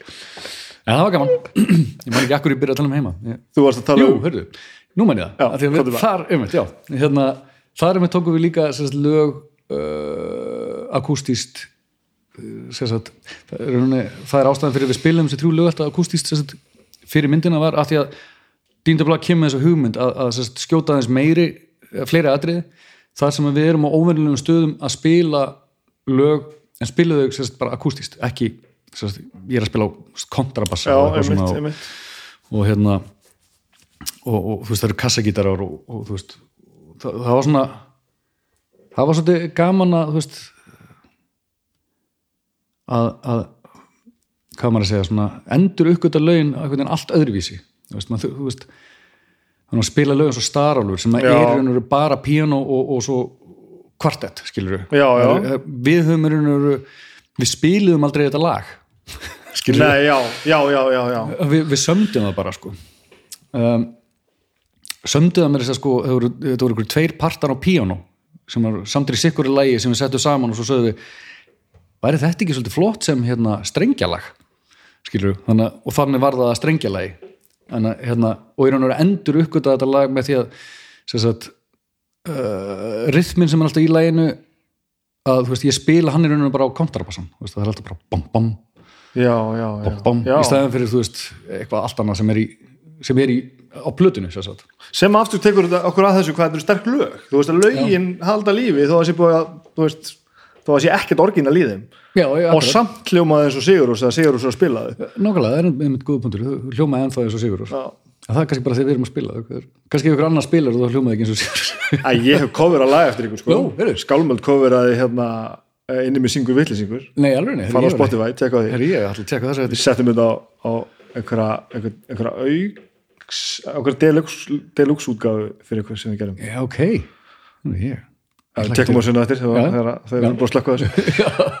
Og hérna, það, þá fundum við og við vorum að horfa svona í nokkuð lög sko, og okkur fannst þetta pínu skemmtilegt að gera þetta. Og þá fórum við um að tala um hvað þetta nartarost í svona þungaroks element sko. já, já, já, og þetta var samt strax svona, það var ekkert mál að gera þetta. Já, og þú veist, allt þetta hérna klang, klang, klang, krakka piano fílingurinn, við leistum það bara með ramskítarunum okkar sko. já, akkurat. Og bara allt á fullu og, og tvöfull bassatróma og, og þú veist. Þetta er svo, svo augljóslega sama lægið sko. já, já, akkurat, nákvæmlega. Svo þurftum við að hérna, feika sönglínuna sko, að þeir alltaf syngjum monotonist Já, eða já, sem sagt fr frontarinn okkar syngur náttúrulega bara bara svona göttur alls sko svona, svona þrótt þá spilum við bara melodíu núna á rammaskítar hann syngur bara, bara rytmist já, og, og, geggja, ég lakka til að heyra þetta Ha, en þá fattaði maður að þetta eru bara lög. Þú veist, þetta er ekki, þó að hljóðheimurinn sé rosalega þú veist, ég kannski að tala við um þetta vegna þess að, að fólki finnst þetta að vera svo serviskulegt sko, eða já, einmitt. hljóðheimurinn og allt sé svo mikil partur af því hvað þetta er Mm. á meðan þú tekið hvað bubbalæð sem er og spilaði bara í partí og það hljómar eins og, bubbalæð já, sko. já, að þá fattar maður að það er í alveg þannig með þessi lög þó að maður takkið þau samingi þá hljómaði þau samt rétt já, já, sem var mjög hressandi sko. já, nákvæmlega en svo var fullt af skál skálmadrata sem skildu þetta ekki sko. sem var glatt okkur mjög herru, mér langar samt að fara hérna áður um hérna tínum okkur alveg Já. í, í þarna brekkuna sem gerir svo hérna upp að hérna ágættis byrjun og þegar þetta fer að taka sig á loft já, hvað hva, hérna hvernig verður þetta svona stórt? Hvað er það sem gerist þarna? Já, sko ég ég, ég veit ekki alveg, ég man samt eftir að þetta var svolítið svona hvað maður segja, hérna uh, við vorum hann að taka upp ágættisbyrjun og eins og segja það þá, þú veist við, við höfðum einhvern veginn einhverja, tilfinningu fyrir því að þessi plata væri eitthvað eitthvað, eitthvað, eitthvað uník sko. Og hvað var bandið orðið þitt á þessum tíma? Hvað var þið búin að gera og hvað, hversu þekkt var þetta? Já, við vorum svona, þú veist, alveg underground sko, veist, en samt alveg að spila og okkur giggum hér og þar og svona, þú veist. Og, og þú veist, það voru oft svona sömur hljónsnir sem voru að spila saman eða alltaf. Og ekkert fættin út að spila og ekki neitt svo leiðis Nei, ekki ennþá. Okay. og hérna, minni samt, jú, kannski reyndar að við höfum hérna einhver tíma tímabili eh, til Danmörkur og Noregs eða Svíþjóðar eða eitthvað, eitthvað svona, tókum eitthvað veist, eitthvað fimm gig eða eitthvað svona. Minni mér þess að við höfum verið með við vorum með hljómsveit sem að heitir, hún er heldur sem enda til í dag þetta er Mew. Já, og, já. Já, allavega það var einu svona útlandakiki sem við höfum tekið. Í gegn, gegnum smeklusu eitthvað, eitthvað svo leys að ég held að það hefur bara verið Kitty Kanina bara sem að, ja. bara, sem að bara svona organisera þetta bara. Og hérna en að ég man eftir að, að, að við erum svona með þessi lög og þessa plötu þarna einhvern veginn og við vitum að eitthvað gerast. Ég erum farin að spila þessi lög, veist, live. Það er svona eitthvað svona smá buzz farið að myndast svona, veist. Og, og svo hérna svo var þetta svolítið mikið hérna við spilum í fyrstu ever sagt, hérna, ervefs tónleikarnir sem voru í flugskílinu hérna og, og Reykjavík flugli með Guðskus og, og, og fleiri böndum. Uh -huh. og hérna það er eiginlega svona veist, þar fóru allt í einhver fólk svona, einhver, einhver útlendingar svona að vilja tala við okkur útlæst blödu fyrirtæki og svona. Og hérna svo, þú veist, já þá eitthvað neðan svona, já ég herðu við þá þurfum við að vera að fara til veist, London og eitthvað svona, við þurfum að fara á fundi og eitthvað, tók við alveg bara ógíslega svona skrítið tímabila sem við vorum eiginlega ekkert að spila eða neitt sko. Við vorum komin með þess að platan var eiginlega, jú, við vorum búin að gefa þetta ákveðt spyrjun, ég er aðeins að hoppa fram og tilbaka. Uh -huh. Og hún náttúrulega var það ógíslega vinsal á Íslandi, bara eiginlega strax. Uh -huh. bara dag eitt, ég man við vorum hana eitthvað hérna, sem var hérna sirkus. Við vorum að líma saman að það var ekki, já, það var ekki, var ekki tími til að láta að líma það því við vildum gefa hún út á þessum degi. Þetta var útgáð tónleikunum átti að vera þennan dag og ætlum að gefa hún út á þessum degi. Þannig að við fengum, kom einhver maður með ferðartösku fulla af þessum gísildiskum en að það var ekki tími til að setja coverin saman. Þannig að við bara hóðum saman einhverju liði og bara byrjuðum að líma cover, svo náttúrulega 70% af þessum diskum voru var skilaða því að það voru límsklessur að meila öllum. Einhver var til eiga það í dag. Já, það eru er alveg fullt aðeins mjög stærn sko. en hérna já, og svo erum við, erum við svolítið mikið svona, eftir þess að útgáða tónleika og platan kom út á Íslandi og þannig að 99-2000 erum við ógeðslega mikið að fara til London og, og tala við hinn að þennan umbóðsmenn uh, eh, plötu fyrir ekki publishers, skilur veist, allt þetta. Og þetta var alveg mikið samning og svo, veist, já við ætlum að vinna með þessum og þá tók við bara, þrjí, fjóri mánuður að sitja inn í, okkur lögmanni að fara yfir smáaleitrið í, í hlutasanginu, sko.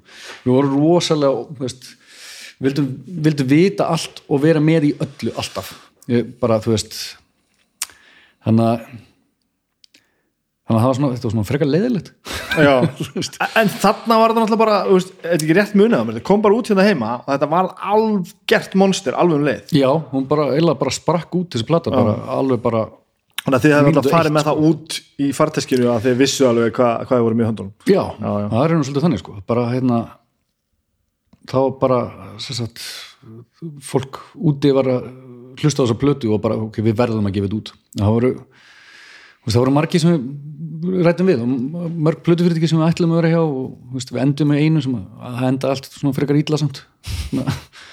Alltaf sama saga með þetta. Alltaf er bara mjög en hérna, og svo endum við að stopna okkar eigi plötufyrirtæki sem er svo samt bara undir hatti einhvers annars fyrirtæki já, endan, sko. og það er lengi að losa ykkur út fyrir þessu rugli þannig með fyrsta? Já, já það varð vesen sko, þetta var hérna við í raun og veru skrifum undir plötverði sem heitir Fakkat sem var ekkert vesen með sko.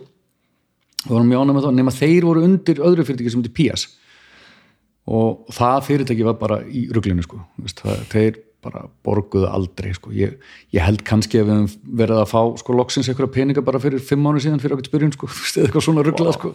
Svona. Þannig að, veist, ég, ég, ég veist mann er ekkert alveg nákvæm details í þessu, en mann við endum með því að í raun og bara rifta samning, við vildum fara sko, og gerðum það. Þannig að þetta, þetta endaði bara út af PS, ekki út af fakkat sko. við höfum alveg viljað vera áfram í fakkat sko. við, það var ekki hægt að vera í fakkat ef við vorum ekki á PS þannig að endaði svolítið svona leðilega í svona ruggli einhverju. En já. Og fariði svo bara út að túra hana? Og byrjar þetta þá bara hvernig allir með sér þetta orðin vinnaðinn Já, það, það er einmitt, einmitt það sko. Það er hérna það er hérna 99 sem að ég sko mannastu þegar ágætsbyrjunum að koma út þá man ég eiginlega svolítið eftir að hafa einmitt farið til upp á skrifstöðu yfirmannin mínum á, á stöðu 2 og svo ætti ég verið að segja upp að því að ég ætla bara að henda mér út á djúbulögin og vera rockstjarnar mm. og við gerðum það allir, sögum allir upp vinnun okkar og, og bara, nú er þetta bara það sem við ætlum að gera. Og hérna Já, og það er hann einmitt svona 2000, þá erum við bara komnir til útlanda, það byrjar að túra á fullu og hérna um, og hérna eiginlega bara nánast túra yfir okkur sko. við túrum bara stanslist í svona þrjú ár sko.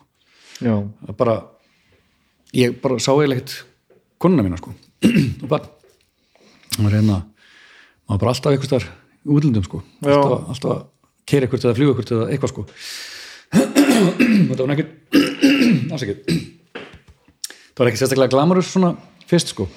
Svona ekki skítur og túrútur og, og, og, og svona út mýin baksins herbyggi þú veist. Já, á ég, einhverjum, einhverju, einhverju rockvenju í, í þú veist, Berlína Hamburger eða eitthvað og, þú veist, og, þú veist, þetta var alveg strax sko. En þið er alveg til í að taka slægin og gera þetta? Já þetta var alveg, þú veist, all in bara. Þetta Þið er náttúrulega, þannig er Ágúst Þættur eða eitthvað? Já, hann hættir rauninu bara þegar ágætspyrinn kemur út sko. Og Hann var, bara, var það bara, hann var ekki til í þenn, þennan pakka? Nei, hann í rauninu ætlaði bara þú veist, að menta sig meira og, Já. þú veist, fyrir grafíska hönnun og, og að svoleiðis, mín spurning var einmitt bara, voru bara allir til í þetta? Ég er í hljómsveit sem túra kann, kannski tvo mánu ári sko, Já. og það er alveg á- ákvörðun að gera það sko. Alltaf fara að vera þessi sem túra streyt í þrjú ár. Já, það er bara, vissulega yngri menn kannski á sínum tíma, Jú, jú, jú, en, en enga síður það þarf að gera þetta og það er ekki nóg að segjast alltaf að gera þetta. Nákvæmlega. En svo erum við líka, þú veist, og það, hérna, ég meina, við gerum þetta ennþá, ég meina, síðasti túri okkur var einhverjur 18, 19 mánuðir. Auðvitað er það ekki alveg kannski, þú veist, samfleitt. Það eru kannski, þú fær tveggja vikna frí inn á milli. Við erum kannski í, tökum Asíu, þú veist, í fjóra vikur, fyrir svo heim í viku og svo erum við farin í fjóra vikur til bandaríkjana, eða eitthvað svona. Mér finnst lemur alltaf svolítið fyndið, ég, hérna, ég, ég oft spurður, ok, það er kannski gildir kannski ekki akkurat núna þar sem við erum, erum ekki að túra og erum ekki að spila akkurat núna sko. en ég er oft spurður út á götu kannski, já, hvað eins og þegar við vorum á þessum túr sko, hvað er, er, hvað, hvað er fyrir ykkur, er eitthvað að spila og ég kannski, þú veist já, ég, ég var að klára 130 tónleika þannig þannig að við komum við að, sko, að muninum á því að vera eitthvað svona band eins og við sem eru bara svona venjuleg hljómsitt eða vera svona í, þessu, í þessari deild og það, þarna er þetta bara ekki sami leikurinn sko. Nei, nei, ég held að það veri ykkur 150 tónleikar á okkur um 80 mánuðin sem, veist, sem við tókum hann á þessu tíma og það var ekki eins og langutúr, túrun undan honum voru tvö ár og veist, 170 tónleikar held ég svoleiðis, Já, sko. en þú ert alltaf, eins og ég segi, þú ert að tala eh, eins og ég segi, eins og þú varst í raun að segja Já. Að þegar ég fyrir að túra þá túra ég bara í 30 daga og Já. spila 30 sinnum Já, já, já, að þú túrar í tvö ár og farið mánuð í pásin á millöngstar já, sem betur fyrir þetta sko. svo þú veist, við erum að gott jólafrí og, og Já, já, já, sko. og þetta, er, veist, þetta er alveg gaman þetta hefur nátt breyst þetta er orðið, við erum að sp- spila náttúrulega miklu stærri gig og það er alltaf svona fylgir þessu meiri luxus, Já. við, svona kannski headline festival og eitthvað svona hvenar, hve- hvenar verður þú veist, hvenar ferðu upp úr hérna slömm bakherbyggjónum og upp í að þetta sé orðið manns, mannsamandi það er góð spurning þangað sem að við hinn komum sennilega aldrei að því ég er ennþá í bakherbyggjum í Berlín sko. Já, við reyndar alveg lendum alveg í þeim líka sko. ekki að kvarta, ég ekki að halda þessi að kvarta sko. Enga veginn, en, en, nákvæmlega. en það er hérna En það er alveg, þú veist, jú, það er kannski svona það er kannski svona þar síðasti túr, myndi ég segja hefur verið svona já, og kannski túrun á undan honum. Veist, þetta er svona er kannski svona í kringum inni með syngur, kannski, þá svona fara venjun að vera stærri einhvern veginn og ekki fyrir en það samt. Nei, einhvern veginn ekki í minningunni. Kannski er ég, er að veist. þetta er eiginlega að spyrja Kjartan Sveinsson fyrir ykkur úti, hann man allt sko, okay. með eitthvað svona fílaminni sko, og dagsetningar á öllu og veit nákvæmlega hvernig eitthvað gerði sko. En hérna Þetta er flott í okkur, ég er nefnilega þú í mínu bandi Já. og erum, ég er meitt svona eins og, eins og kjartan sem Já, man já. allt sko, gott í okkur að alltaf þetta hérna. Það er allt saman í mér sko. ég vil líka.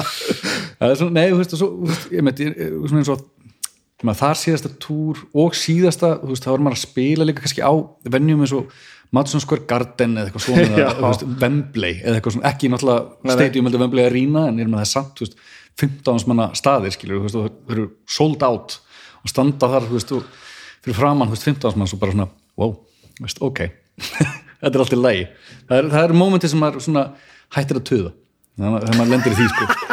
En maður getur alveg gett ná að vera bara þú veist bakherberginu bara svona, ó, ég þreytin í nenni ekki þetta gig í kvöld. Eitthvað svona, bara, að bara spila fjóra dag í röð og, þú veist, ó, ég er svangur og mér langar bara, mér langar að horfa Netflix upp í rúmi bara eitthvað, þú veist, og já, ég er að fara á fimmstyrinu hótelið og já, við erum með veist, fjóra túrútur að núti og, og fimm trukka og maður er að væla.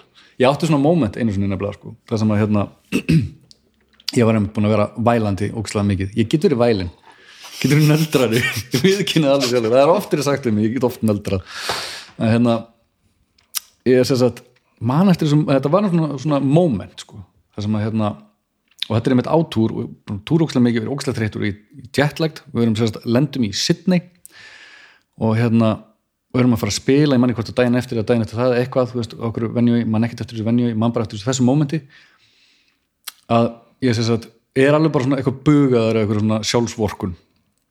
Og ég lappi hann á hótelherbyggi mitt hendi töskunni frá mér og ég sé að það er búið að draga gardinuna fyrir á hótelherbygginu og ég dreg gardinuna frá og, og þá sé ég þetta svona risa klukki sem alveg frá gólfi og upp og, og, og og lofthæðinu er svona 5 metrar eða eitthvað og þetta er, þú veist, Four Seasons Hotel og útsýnum mitt er Sydney Opera húsið við stend svona í augnablíku og ég ætla aldrei að kvart aftur nú er ég hættur. Já. það var svona móment þess að ég bara ég get ekki kvartað yfir þessu, ég bara má það ekki. Nei. það er ekki hægt að kvarta sem er satt, þú má það ekki. ég má það ekki, Nei. ég hef ekki rétt á því sko. og, og sko ég má ekki heldur hvort en þessi ég er en ég, ég ger þetta líka sko. Meira í táfílinu og þú veist á, á tvekastöðun og hótturinu en ég hef samtalið átt þessi móment þegar maður bara fer, fer upp á sviði og spila fyrir kannski þúsum manns og bara hvað hvað þetta leið var að grenja? Já, nákvæmlega, og það er líka mómentið sem stendur og það er fullt af fólki fullt af fólki sem keipti miða til að koma að sjá og þig. það, já, já, já. og maður er bara svona ég bara verið að gera þetta þetta er bara, bara mín skilda en einnig, veist, þetta getur náttúrulega alveg verið líðan maður getur verið þreyttur og allt það en samt sem aður það er líka gott að ljúa því ekki að sér sko, að þetta sé allt í lægi þá heldur maður að sé, hættkomin sko. en þú veist hvenar ertu um rockstjárna? Er það þá bara svona samlega þessu? Að þegar við heldum að það var rockstjórnum bara þegar ákveðs byrjum kom út, var það sérst ekki alveg þannig? Jú, það er samt að byrjaði svolítið það sko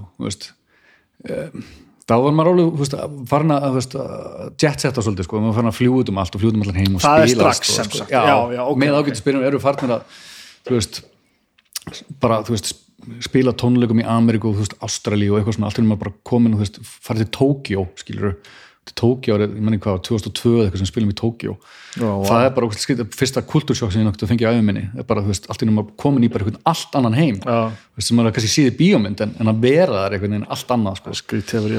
og hérna og líka skrítið, þú veist, eins og þar, það er alltaf einu upplegað með þessum geðveika stórstjórnu að það bara þeirra kemur eitthvað band skil, og kannski sérstaklega þessum tíma. Já, það er bara, þú veist, við þurftum öryggisverð út á götu sko. já, og maður bara svona, þú veist wow, það var svolítið gaman sko. En aldrei lendið aður og hef aldrei lendið eftir það. Það er svo sérstök menning bara sko. Já, já, já. Svona, jú, gott fyrir ekoðu svona einstakar sinum en hérna en jú, erum að, það er kannski hérna kringum átt spyrja en, en veist, jú, kannski svigaplatum meira veist, þá er það ennþá meira veist, við erum að spila svo ógeðislega mikið sérstaklega kringum þáplötu, við vorum hálf þunglindir hérna kringum svigaplötuna sko. En það var það er erfiðasta plata sem ég tekið upp sko lög sem við erum búin að spila í þrjú ár fara í stúdíu til að taka þau upp. Það er svolítið skrítið sko. Að spila eitthvað lag svona lengi og taka það svo upp. Svona eðlilega að taka það upp og spila það svo ógislega mikið. Um, þannig að það var svolítið svona erfitt að við varum líka byggðum hana sundlegina, stúdíuð þá, þá sérst, í raun og veru fyrir sögjaplötuna og það átti aldrei að vera eitthvað kommersial svona, við ætlum aldrei að leiðað út sko. Það var bara húsnaðið okkar. Það var bara okkar stúdíu sem við ætlum unni það var ekkert fyrir einhverjum setna sem við ákvæðum svo að jú, jú, getum svona að fara að selja tíminni til stúdíu og, og svo náttúrulega bara seldu við ég, Jóns og Orri, seldum okkur út í því bara alveg. Já, já, já, það er alveg þannig þannig að við höfum svo, svona minni áhuga að reyka stúdíu mm -hmm. en já, það er að, þú veist þetta hefur alltaf farið svona, kannski svona stegmagnandi, kannski sérstaklega með síðasta túr, það sem er bara, þú veist Þannig að þú, þetta er bara leiðin upp ennþá? Já, það verðist að síðasta túr þá voru að, þú veist vorum að, ég manna við sko hellanuðum Fuji Rock skilur það var bara okay. nafnið okkar og svo bara við hliðin á tíu var Red Hot Chili Peppers veist, eitthvað svona skilur og, og, og Beck svo hindæn við vorum aðalatrið og maður bara hugsa bara wow, veist, ok, við erum alveg búin að meika það fyrir bara að segja það 40.000 manns fyrir svona sviðið. Og bara svona, wow, í alvörinni við vorum ekki einu svona geot blödu nei, nei, nákvæmlega. Þannig að það er svona skrítið sko þannig að það, svona, það var svona móment að ok, við, við erum alltaf svona það má segja við sem vorum svona uh, established. Það, veist, það sem við erum, við erum ekki lengur að, að vinna í því að nei, veist, nei, koma okkur á kortu við erum komin á kortu já, og svona í alvörinu á kortið. Í alvörinu Já. kortu og kannski erum við að verða veist, ég veit ekki, ég hef alveg pælt í kannski erum við ha, svona hægt og rólega að verða risaðalu líka skilur, við erum búin að vera svo lengi og þú veist, kannski erum við, þú veist, þegar við settir eitthvað staðar upp á stall með liðin á Red Hot Chili Peppers eða okkur, veist, Já, en ég menn það er hægt að gera það vel og hægt að gera það illa Jú, jú, það er rétt, og það er það, sko. það, það er bara svo, bara svo allt annað sum, sumt tónlistafólk eldist vel og annað ekki sko. rétt, og rétt. það og bara svo við sko að við séum ekki reyna að vera átjónana áfram sko, það hjálpar okkur ekki neitt. Nei, nákvæmlega. Þannig að þetta er svolítið stór nöfn sko að setja sér liðin á. Já, já, og það, það kom mér óvart sko, en mér kom mér líka bara óvart að veist, eitthvað svona risa hátíð Fuji Rock í Japan bara þau vilja koma og þau vilja headline bara, já, ok, bara, svo, þú veist, eins og síðast úr og voru þetta og fullt af festivalinu þannig sem við vorum bara, bara aðal atriði skilur, þú veist, og það er einhvern veginn þá hugsaum við bara, ok, er þá er líka gaman hljótum við að vera komnir ykkur Já, ef þetta er alltaf leiðin upp þá lítur að vera, gaman að halda áfram Jú, jú, það, veist En hvernig hefur, veist, eins og þessi fyrst, eh, fyrirpartin af þessu, hvernig, að því að álæði lítur að hafa verið sturlað, svona að- þekkjandi að það hafa verið hljómsveit, Já. hvernig var að vera í, í bandinu, þið fjórir þarna þegar að það kannski, þegar, það þegar grandið var sem mest.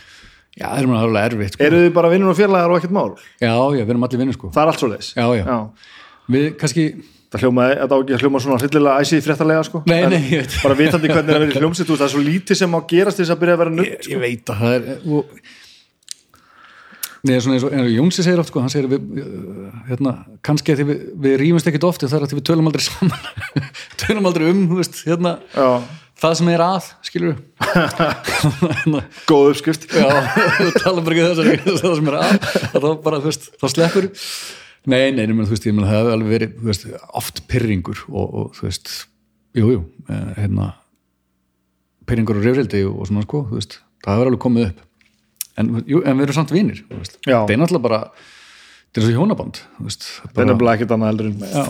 bara flóknasta hjónaband í heimi sko. þetta er mjög skrítið fjölkvennis Já, hjónaband þetta er svo fucked up sko. þannig að þetta er í rauninu mjög ruggluð formúla Já. Heila, veist, maður fattir þetta ekki veist, ég skil ekki alveg af hverju maður fyrir út í þetta einu sinni en þetta er samt svona eitthvað svona bræðraband og, og sýstraband og allt skilur þetta er eitthvað svona, þú veist, og sigrarnir verða svo stórir maður. já, þeir eru nefnilega geggjaðir sko. En, en það er líka leðilegt að lendi í leðilegu þannig að það verður maður bara standa saman Já, Þetta já. er, þegar við stopnum hljóstina þá, þá sögðum við alltaf sko, við verðum skipna þrjár og hérna og þegar kjartan bættist við þá var hann D'Artagnan sérst, þannig að við vorum skipna þrjár og hann D'Artagnan þannig að og það er eitthvað svolítið þannig að þó svo við séum fúlviti annan og eitthvað svona eitthvað tíman að þá að samt er þetta vinátt og maður stendur saman Já, já, já. Veist, sama hvað en svona alvöru engalið hvernig, hefur- hvernig gengur það? og þú er búin að eiga sömu konuna í 100 ár Já, já. Hvernig- hvernig byrjuðu þið saman? uh, 99 eða ekki, jú. Bara, ég, bara rétt fyrir aldamótin. Vá, byrjuðu saman, giftum okkur 2004 þannig að uh, hvað þú já, mörg börn? ég á þrjú bönn Hvernig gengur þetta? ég með, jú, þetta verður alveg, þú veist, það verður alveg verið, erfitt. Um, sérstaklega hann að fyrsta sem við vorum bara, við túrum bara í þrjú ár sko, þú veist, og maður var eiginlega ekkert heima og það er náttúrulega mjög erfitt, áttum náttúrulega færri börn þá. En, en, hérna, en enga síður það var er ekkert gaman fyrir alla og, og ég er líka töðað mikið yfir því, sko, mér langaði rosalega mikið að vera heima. Að gera minna það bara. Já, mér langaði bara að vera, veist, því að það var svona tímbil það sem við vorum, ef við vorum ekki túra þá vorum við að taka plötu, Já, skilur, þannig að það var veginn, maður var alltaf í vinnunni, veist, það var aldrei breyk, er þetta ekki samt basically það sem maður þarf að gera og ætlar að gera þetta á borð. Ég held að ef þú ætlar, veist, ég, jú, ég held að ef maður ætlar að reyna að komast eitthvað, þá er það bara, þú, þetta er þú bara ekkert grind through, sko, já, veist. þú værir er ekkert í Mats og vinna, Skvergard en nema það hefur gert þetta. Nei, nokkulega, það er alveg satt, sko, veist, og þetta er bara vinna, vinna, vinna, veist, jú, það eru það er fullt af böndum sem bara meikað okkur einu lægi, skilur, en mörg að þeim verða líka bara ég ætla að segja það nú mjög oft sem þau hverfa ég að prata á því komu sko. Þannig að, þú veist, já, þetta þetta er alveg verið erfitt, en ég meina, þú veist ég á alveg bestu koni í heimi sem hefur skilið þetta allt saman og, og svona líka, þú veist, núna kannski svona veist, síðustu túrar þá hefur maður verið að reyna að taka fjölskylduna meira með. Já, já, já. Og hérna, ég man, ég man eftir að þau komum til Ameríku ekkert hérna hvort það var ekki bara einmitt hann að Madison Square tónleikarnir sem við spilaðum og, og, og svo ferðuðust eitthvað aðeins með okkur. Og svo allir allir heim en, en yngsta dóttir mín hún bara neitaði að fara sko þannig að ég bara hún, hún er að verða 11 núna í næsta manni og var. Hún var, þetta eru hvað þetta eru þetta var 2017 áttur að gömulega eitthvað? Já, hvað svo leis ok, hún bara neitaði að það var svo gaman veist, túrútaðan og allt þetta sko, þetta var bara allt skemmtilegt. Þannig að hérna þannig að sem sagt ég bara breytti flugmennum en hún bara fór áfram með pappa sínum. Já, fór bara til Kanada og hingað og þangað og fekk bara frí ykkur tvær vikur í skólanum og, og hérna þannig að við vonum bara eitthvað saman og túrnum sko. Bara þú veist, frítagur eitthvað í Toronto og þá fórum við að sætira satnið og eitthvað svona skilur, Já, já, veist, já, bara að gera pappa thanks sko, þú veist. Að, mér finnst það líka fínt sko það gerir þetta svona hvað ég að segja, svona þetta svona, þetta túra rock and roll svona eðlilega, þú veist, eða, þú veist það minkar það bara, þú veist. Maður er bara, þú veist maður fer bara á hótelherbyggið á kvöldin eða í túrútuna og þú veist, maður er bara eitthvað sjáttu þess að sitja morgumatur daginn eftir eitthvað já, svona skilur þannig að en það er bara mjög gott sko. En já, eins og ég segi, ég meina, þetta, það hefur alveg, þetta hefur alveg tekið á en, en hérna á, á svona fjölskyldu líf að vera svona mikið í burtu þegar, þegar maður er mikið í burtu. En svo kostunir eru að ég get líka verið mikið heima þegar að við erum ekki að gera eitthvað. Þú ert frí núna, þegar þú ert í frí já, ég er bara heima undir húsfæði núna sko, Já, já, ég er bara eitthvað að sitja í þvóttavel og já, veist, elda matinn og eitthvað svona skilur er þetta ekki bara svo allt annað, þú veist, þarf maður ekki bara að að vinna fyrir? Ég, ég er eins og ég segi, ég er búst í mánuðinu sko. já, maður það bara finnur það, það, það bara, veist það það bara að gera hlutina vel. Það er einhvern veginn bara það sko. Já, og allir séu bara sumum blaðsinu með það en, en þetta tekur þetta, þetta hlýtur fjandir hafið að taka í, sér til þetta fara að skipta mánuðum. Já, já, það er náttúrulega alltaf, þú veist, ykkur tíma settu þá reglu, eitthvað tíma við vorum alveg búnir á því, sko, þá, hérna, og ég, minnir að þetta hafi einmitt komið eftir eitthvað törn sem var vikna, skilur, þú veist, tveir mánuðir bara Já, í einu, sko, þá settu ykkur reglu, settu bara, veist, uh, reglu fyrir umbóðsmenn að við farum aldrei þr- meira en þrjár vikur í einu, svo yrði að vera minnst vika í frí, svona alltaf, þú veist, bara kortir í setna og búið að brjóta þessa reglu, sko, já, en allavega svona eitthvað gætlan með það. Já, við reyndu það sko, en þú veist, það er ekkit óæðilegt við fyrir með sex vikur, eitthvað, sko, Nei, nei, veist, og, og svo komum við viku heim, eða þú veist, nokkra daga jafnvel, en svo kemur alveg, þú veist, eins og á síðast úr, það var búin að spila ókslega mikið og svo fengum við alveg sko tvekja mánaða frí, bara yfir jól og þú veist, fórum ekkit aftur að stað fyrir bara ekkert í februar sko. Þannig að, þú veist, þetta er rosalega misjátt hvernig er djam staðan á bandinu? Og veist, er, er, eru þið fullir eftir og og, veist, er partí eftir gig almennt bara? Já, við náttúrulega sko, e- þegar við byrjum, þessi stofnum hljóðstina þá settum við reglu að það mætti aldrei drekka meir en eitt bjór fyrir gig, af því annars væri við svo lélir Við getum sagt að 26 ára síðar að þessi regla farin út úr gluggan já, ok Nei, þú veist, ég er að minna, maður er alveg að fá sér nokkra, þú veist, og svo, þú veist, vín með matnum áður en maður spila giggið, giggið er aldrei fyrir um kvöldi þannig að maður fær sér kvöldmat og drekku vín og eitthvað svona og svo maður er svona mjúkur þegar maður fyrir upp á svið. -hmm. Svo er alltaf eitthvað, þú veist, maður hefur stundum, stundum, stundum bara hef ég engan tíma til þess að drekka eitthvað á sviðinu til dæmis. Það er bara, þú veist, þetta moment þarna á milli þess að tvekja laga er svona stutt Já, já, og ég já. þarf að skipta um bassa eða fara yfir þetta hljóðfyrir eða eitthvað svona. Ég bara hef engan tíma til þess. Þannig að stundum er bara runnið að manni þegar maður kemur á sviðinu sko. en svo náttúrulega fæ maður sér aftur eitthvað bjóður og eitthvað svona, veist, hérna, svo, eins og síðasta túr þá vorum við svona tvö sett og skipti tvent við vorum með fyrir hluta og eftir setnum hluta. Og, og að því við breytum sviðinu í middeltíðinni þannig að það var svona, þú fegst í rauninu tvö gig fyrir eitt sko. en það var bara svona hluti af eitthvað sjói sem voru, eitthvað svona konsepti sem voru með. Og það var náttúrulega, þú veist, það var alltaf eitthvað svona, svona kannski korter, hálftími max held ég á milli Já, bara- bara. Hlé á gigginu sko. og bara, sérst, bara giggi stopp og svo bara hérna, mild ljós sett upp svona, eða geta ljósinu mild hérna, og, og svo bara, þú veist fara görður upp á svið og bara breyta settinu og bara, veist, öll snúið við einhvern veginn. Og svo komum við aftur á svið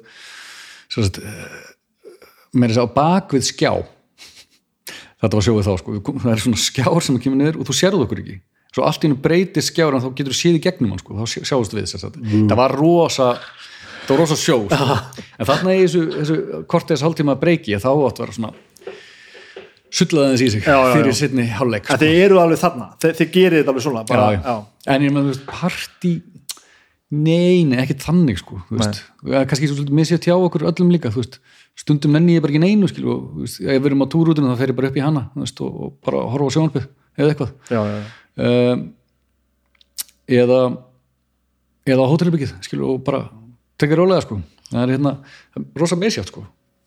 Um, og svo stundum er eitthvað að gerast og þá þá er maður stundum með já, já, já akkurat Hva, hvað er þetta löngsett hjá okkur? hvað er að spila, spila lönging? já, ja, ég man ekki hvernig sko, við höfum alveg sko, það, er, það er svolítið mið, það fer eftir túrnum sko, og, en ég myndi segja sko, svo fer það eftir hvort það er festival eða, eða okkar eigið gig Já, já. En svo kannski þekkir en, en hérna þetta eru svona rétt undir tveimur tímum myndi ég segja eitthvað já, þetta er svona langt. Já, þetta er eitthvað svona sirka bát það, sko. kannski einn og hálfu tími núna síðasti túr. Svo náttúrulega þetta breykin á milli þannig að það bætir þessu kortir við eitthvað sko, en það náttúrulega erum við ekki að spila. En það hafa vel verið gig, þú veist, í gamla dag voru við kannski að spila og, þú veist, við gátum alveg spila í þú veist, metið okkar er eitthvað þú veist, fjóri tímar eða eitthvað svona ruggla sko. maður spila með einu svona galdrahátíð þarna á ströndum. Um, það er mörg ár síðan sko en ég man, það var ógeðslega kalt ég man þetta því, og vorum hlýja okkur með því að fá svona viskidreitil alltaf og þetta var eitthvað bara svona veist, það var lítur af sumar það, veist, það var bjart út á kvöld og, og veist, vorum upp á okkur svona pallbíli eða eitthvað, ég man ekki hvernig það var, þetta var allt mjög bara svona skemmtilegt og svona hefði alveg getur verið í heimamyndinni. En við ákveðum bara baksins, herru, við ætlum bara að taka öll lög, bara öll lögin okkar. Og ég held við um spilaði fjóra tíma sko. og það var alveg rugglað sko. þú veist, þetta, hafi verið svona fjóra tíma gegg en ég veist við spilum aldrei minna en einn og halvan sko. nei. Og svo ef það er festival þá er þetta svona rétt rúma klukktími og finnst ykkur gaman að spila? já, giggið er skemmtilegt. Já, oftast sko. Því ég þekki svo rosalega vel þessar tilfinningu sem við talum á sko, maður nennir engu sko. Já, það er oft þannig sko. En svo þegar maður komin á svið þá bara Já. einhvern veginn alveg bara það, það er einmitt það sem hverfur, það all, gerir hverfur allt sko. Einmitt, þá kemur allt í einu bara svona, herru, nei, þetta er úkslega gaman. Já, svo er líka svolítið eins og síðastu túr sko, þá, þá fannst mér ofta svo, sko, bæði settum voru jafn löng en manni fannst fyrir að settu vera miklu lengra. Já, já, já, nákvæmlega. Hérna, en svo þegar setna settu kom þá var einhvern veginn það voru líka þannig lög, það voru, meira svona, það voru meiri læti okkur þá sko. Þannig að maður var aðeins peppaðri fyrir það og það, það leið allt bara, þú veist, bara eins og þú veist, bara augnablik sko. Já, þannig að jú, jú, það er alveg gaman að veist, gaman að spila. Það er hérna, þú veist, ég, jú, það kom alveg gig sem að maður lappar ég ég alveg verið brjálaður eftir gigga því það gekk svo illa, skilur, bara því að þetta var lélegt gig þá. Já, þú veist, ég hef bara verið lélugur eða, eða þú veist, eða minnst hinnistráknum verið lélegir eða, eða veist, við erum bara ekki að tala saman einhvern veginn á sviðinu, sko þetta, veist, þetta er, ekki, þetta er einhvern veginn ekki alveg bara, þetta er ekki alltaf copy-paste, sko, sum gig eru betur en önnur,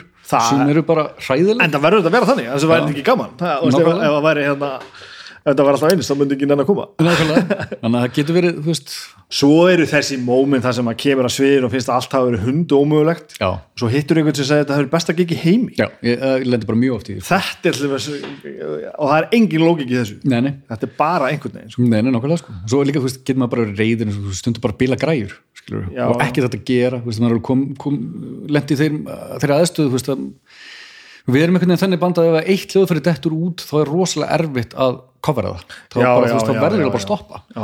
það er bara eitt hljóðfæri er bara, þá ertu bara átt skilur, þú verður bara, þú veist það, eru mörg lög allavega hjá okkur sem eru þannig. Uh, kannski ekki öll en, en það er oft, þú veist, bara eins og ef það á að vera bass í læginu og ef hann er ekki með þá, þú veist, eru hinn strákunar ekki að spila.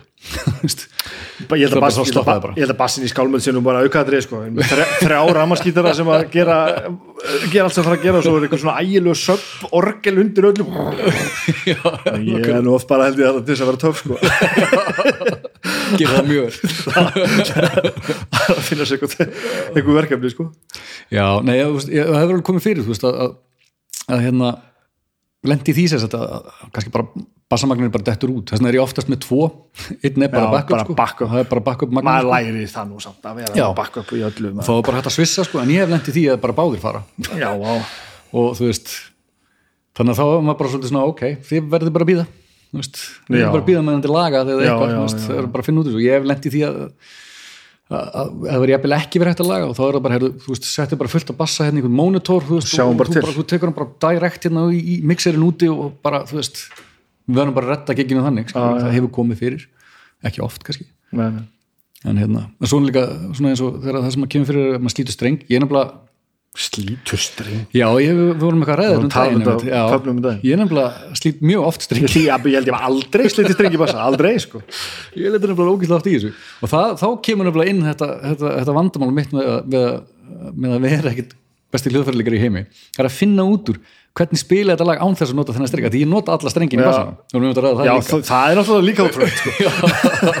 Það er að ég spila svo mikið grip og rithma og Já, þenn, þenn, þannig bassa sko. og hérna, það er oft sem ég lendi því sko bara, veist, ég með þess að stundum hef ég sko ákveður ég ætla bara að hugsa, ef ég slít strengi þessu lagi? Ég ætla að læra hvernig ég get spilað á þess að vera með þennan streng. Þannig að læri lagið upp að nýtt án þess að nota streng sem ég nota vennu bara til þess að geta að redda mér ef ég lendi því að þessi strengur slitni það er til dæmis eins og hérna það eru lög veist, sem að uh, sem að ég líka, það eru líka lög sem ég spila bara einn streng og, veist, og það verður bara að vera þessi strengur því annars sandar það ekki já, rétt. já, já, um, og hann slitnar. Það er mjög óþægilegt og þá líka oft hefur komið fyrir bara svona strákandi bara, hva, akkur hljóma þetta lag svona undarlega í kvöld? Ég bara, ég var ekki með rétt strengin Þú veist, þannig að maður þarf svona að redda sér læra eitthvað upp á nýtt sko. En, Mér finnst þetta svo heillandi að sko, slíta svo mikið að strengjum. Já, ég bara lendi oft í þessu oft, oft er það hérna e-strengurinn sem að ferja mér sem, að, sem er náttúrulega þykkast í strengurinn líka. Ég hef einu sinni þurft að skipta um bassa á öllum skálmaldar ferlirum sko. Já, og það var ekki strengur sem fór heldur bara skektist hálsin eitthvað hann eða strenginni lögust upp því það. Já, frábært. Það var bara nýbúið að taka hann upp eða eitthvað og Já. illa, illa skrúða saman eða Já, eitthvað. bara það er í- ekki í alvegni, aldrei ég, svona, á pappirum finnst mér eins og ég ætti frekar að slíta heldur en þú sko. Já, ég myndi að þú spilar reynda kannski tíu sem fleiri gegn ég Já, ég veit ekki, ég er líka, já ég er nok nokkri, ég broti nokkra bassa líka. Stundum á óvart. Það er alveg margi bassa brotna hérna svolítið gætna að brjóta hausina þeim og eitthvað svona. Hérna, hvað ertu þá að gera? ég er að henda þeim eitthvað. Já, ég hef alveg sko þrygt bassa en í trommusett sko á Sigurðarstólum Já. það er frábært. Já. Það er hérna, við eiginlega endum alltaf á sama læginu, það er eiginlega bara orðið enda lægið, við, við höfum tekið upp á því að spila annar lag eftir og þá tökum við eitthvað mjög rólegt lag, en það, við tökum eiginlega alltaf hérna, er- við, við köllum alltaf poplægið, Já, ég veit ekki af hverju, en, en það er sagt, heitir eitthvað Untitled 9 eða eitthvað veist, eða 8, ég manna það ekki, á plötunni sko, við skýrðum ekki lög á svo plötu, en það er einhvern veginn bara svona enda lægið, það er bara, það er, það er erfitt að fara að sviða aftur eftir það sko, en við höfum tekið upp að svona, taka eitthvað mjög rólegt og eitthvað svona, veist, í staðinn svona eftir á ef að, veist, mikið uppklapp eða eitthvað svona og við bara það var geggja gigg og við erum bara geðu ykkur stuði Já. þú veist, en það, það er svona lag sem að eiginlega, veist, endar öll lög hjá okkur sko, þannig að hérna það lag, já svona ef, ef að það var gott þá oft fá hljóðfæri að fljúa ef það var vond þá fáðu sérstaklega að fljúa ég er með, þú veist, trommutekkin hefur alveg þurft að sækja veist, trommuparta veist, út í sal sko. Já. Veist, það er bara einhver bassatromma leið einhvers þar, bara komin einhvert langt frá sviðinu sko. Og, og þú veist, bassin að, hérna ég man eftir reyndar síðast skipt sem við spilum þetta lag síðast síðast við spilum og þá hérna það var bassi sem var búin að vera svolítið leiðilegu við mig. Það var hérna Fender Precision bassi. Mjög flottu bassi og mjög góður enda sko. Það var búin að, þú veist, öll nútíma hljóðfæri eru, eru bara búin til pappír, það er bara orðið þannig sko, þú veist, þetta var mjög nýlegu bassi. Öll. Öll, þau eru bara, þú veist, viðinu sem er notaður í þetta, þetta er alltaf látið sko vaksa svo hratt. Já, þetta, þú veist, maður, ef þú heldur á Fender Precision frá 1976 og svo innum frá, þú veist, 2017 Þessi er einmitt frá 1976 ja. haldið á þessu? Já, ég myndi eitt svona, nákvæmlega. 76, nákvæmlega eins með sömu pick-up uppsýtningu Já, ég veit. En hérna, en hérna, ég nota þetta ekki lengur þannig að ég brauta svo oft. Hann er í góða stöndu samt sko. en gíta tekkin okkar veist, þessi verður bara að, setjast í helgan stein. Að, þú veist þú bara, e, hann er of góður og þú ert að eyðilegja hann. þannig að ég er bara ok, ég kaupi nýjan. Svo hann nýjan og þeir, þú veist viðurinn í þessu svo mikið drasl en allavega, ég sess alveg frá byrjun á síðast túr þá, fyrst skipt sem ég nota hann það var svona eftir þetta lag þá var ég, þú veist, í svona hæfilega góðu stuði þannig ég svona lagði hann bara frá mér. Og ég nenni ekki að vera að finna eitthvað stati þannig ég bara legg hann frá mér á gólfið ekkert fast sko, bara svona bara legg hann frá mér. Svona ákveðið legg hann frá mér. Og má líka vera smá svona feedback eftir lagið sko þannig, að, þannig kemur hérna gítatakkin okkar og eftir tónleika bara, sorry, bara, þú eru að nota hindbassan í annan kvöld sko, bara, ha, akkur hann er brotinn, ég bara, ha? Veist, ég bara lagði það frá mér. Já, já. og þá bara, þú veist, bara brotnaði bodyið sérst í sundur. Það er bara því að bara hvernig viðurinn er skorinn og hann er látin vaksa rosa hratt og eitthvað þetta er rosa tæknabæk þetta, er allt orðið miklu ódýreldur en það var í raun og veru gamla þetta, allt beitir í gamla þetta og hann gerir þetta bara ítrekka þessi bassi. Hann er orðið svona eitthvað svona franginstan bassi sko. það er búið að kaupa annan bassa því að búið að breyta hausin á hann líka. Það var búið að kaupa annan bassa til að setja nýjan háls á hann sagt. Á meðan verður að gera við hinn og, og ég brýta hann svona 5-6 sinum bara á þessum túr. Veist, bara, og og stundum semi-viljandi, stundum ekki. Veist, hann fær stundum að fljúa og eitthvað svona sko, en, en þannig að veist, ég get alveg sjálfur mér um kent en hann í, í, í, sem sagt, í hörpu núna síðast við spilum og, þá, og spilum þetta lag þá, þá ákveði bara þetta væri bara síðustu tónleikandi fyrir hann að bassa. Já, bara að láta það hafa. Þannig ég bara let vaða og, og hérna basically sagt, gítartekkin okkar kom til mín eftir, nei, ég heyrði hann bara tala um einhvern annan sem var að tala um bassan hvort að, hvort að geti límt að sagða hann þetta er tannstönglar það var ekkit eftir á honum. Bara ekki neitt, sko, það var ekkit eftir að bjarga neinu sko. Frábær hérna frábær mótsögn við bandið. Að það taka svona ruslatunna endi og, æðilgast svona það er, þú veist, það er, er, er rock í okkur, sko. Ég ætlaði að segja, hvernig upplifið þið þetta band? ég, sko, ég segi alltaf að við sem við rockband sko. Ef ég spurður eitthvað hefur ekki heyrt tónlistunum og spyr hvernig tónlistu spilum þá segi ég bara rock'n'roll Bara Samu Lemmy saði mótröð já, þetta er bara rock'n'roll Það er bara Sigur og svo mótröð já, En, en samt sem áður, ef þú leggur þetta hlifið hlið þetta er ekkert svona fjastafkjönd sko. Þetta er bara rock og roll. Þetta er bara rock'n'roll og þú veist, já, við notum stundum strengi og allt einu menna, Metallica gerir það líka veist, og, og þú veist struktúrun á lögunum er oft bara er henni bara oft svolítið bara basic pop struktúr á Já. lögum. Við erum ekkit að endilega að finna pjólið alltaf sko þó svo stundum líða okkur þannig þú veist, það er bara soundið er einhvern veginn öðruvísi og, en ég meina eins og bara síðasta plata er náttúrulega alveg þú veist, hún er alveg rock og roll sko, er hún, er, hún er svolítið brjáluð sko. Já, bara algjörlega þannig að og, og, og, og eins og tölum við máðan bara, það er svolítið magnað að þið komist upp með þetta að þess að þú að skipta um nafn. Þú þetta er sama bandi, það er eitthvað svo magnað við það sko. já, já, nákvæmlega, það er alveg góð punktur sko. Hérna að, að, þú veist, já, eins og ég segi við okkur, okkur líður bara þannig að við erum bara að búa til þú veist rockaról eða pop eða eitthvað. En það kannski sándar ekkert alltaf þannig. Þegar þú veist svona loka niðurstöðan er komin í læginu og, og, og allt það, þá kannski hljómar það ekki eins og eitthvað svona hefðbundi lag en ég er alveg vissum það að þú myndir bara taka kassagítar þá fullt af þessum lögum sem getur bara spilað í, við, við varðeldin Já, sko. það var það sem ég var að segja.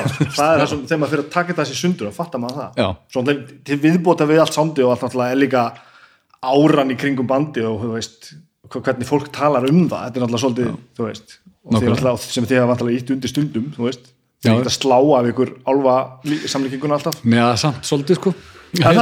Já, ég, ég þóliða ekki sko Nei, ok, persónulega. ok. Ég er alveg, það fer alveg í menna fínustu sko að því að, því að einmitt ég segi alltaf við spilum Já, já, já, veist, og hérna og, og þegar að, veist, að eins og einhver reyndi sko að klína á okkur þetta krútdæmi sko, það alveg fyllti mælin hjá mér sko. Já, við já, já. erum, við sko, við vorum að undan þessari krútkynslu Já, og við er erum ekki krút Ok, ok. Það er það. taka skýrt fram. Ég er brjólaður Og hvað fyrir svona töður að við þetta? Bara að að þú bara, bara svona mér líður ekki þannig Nei, nei, nei veist, ég, mér líður eins og þessu í rockljónsveit sko. ég, þú veist sem er kannski ástæð fyrir ég nenni að hlusta sigur og sem ekki á Já. sem er satt sko, þú veist að því ég nenni ekki þessu þessu uppgerðar hérna ég er lítill og sætur kæftæði sko. Ég er alveg til út fyrir það sko. já, nei, ég, ég meika það ekki heldur sko. ég, þú veist og já, ég manna hérna hann hérna, Ken Thomas sem við unnum mikið með svona fyrst, sem að Já. pródusur er náttúrulega með okkur ágætt spyrjun og, og fleira og, og hérna, og sögjablötuna að hérna og mann sko að hann sagði alltaf sko að ég veri sko ég, ég er slísið í bandinu sko. Ég er alltaf það sem að, ég er svona dörtið já, já, já, því ég kem alltaf með eitthvað svo bara eitthvað svona þú veist, það er kannski eitthvað svona rosa falleg lína í gangi sko, og svo kem ég og, og eiginlega skemm hana. Þú veist, ég er svolítið gaman að því. Og kom allt inn bara með eitthvað svona brjálæðaslegan distortion bassa Já, eða eitthvað, þú veist, inn í eitthvað sem að, þú veist svona um, bregðu moment í hryllingsmynd, skilur Já, akkurat. ég er svolítið þannig. Og- get verið og þannig hvernig er stemningin innan, innan, innan bandsins með svona, er, er allir til í þetta? já, já, það er bara, það er auðvitað ástæðan fyrir ég er í bandinu já, já, já, já.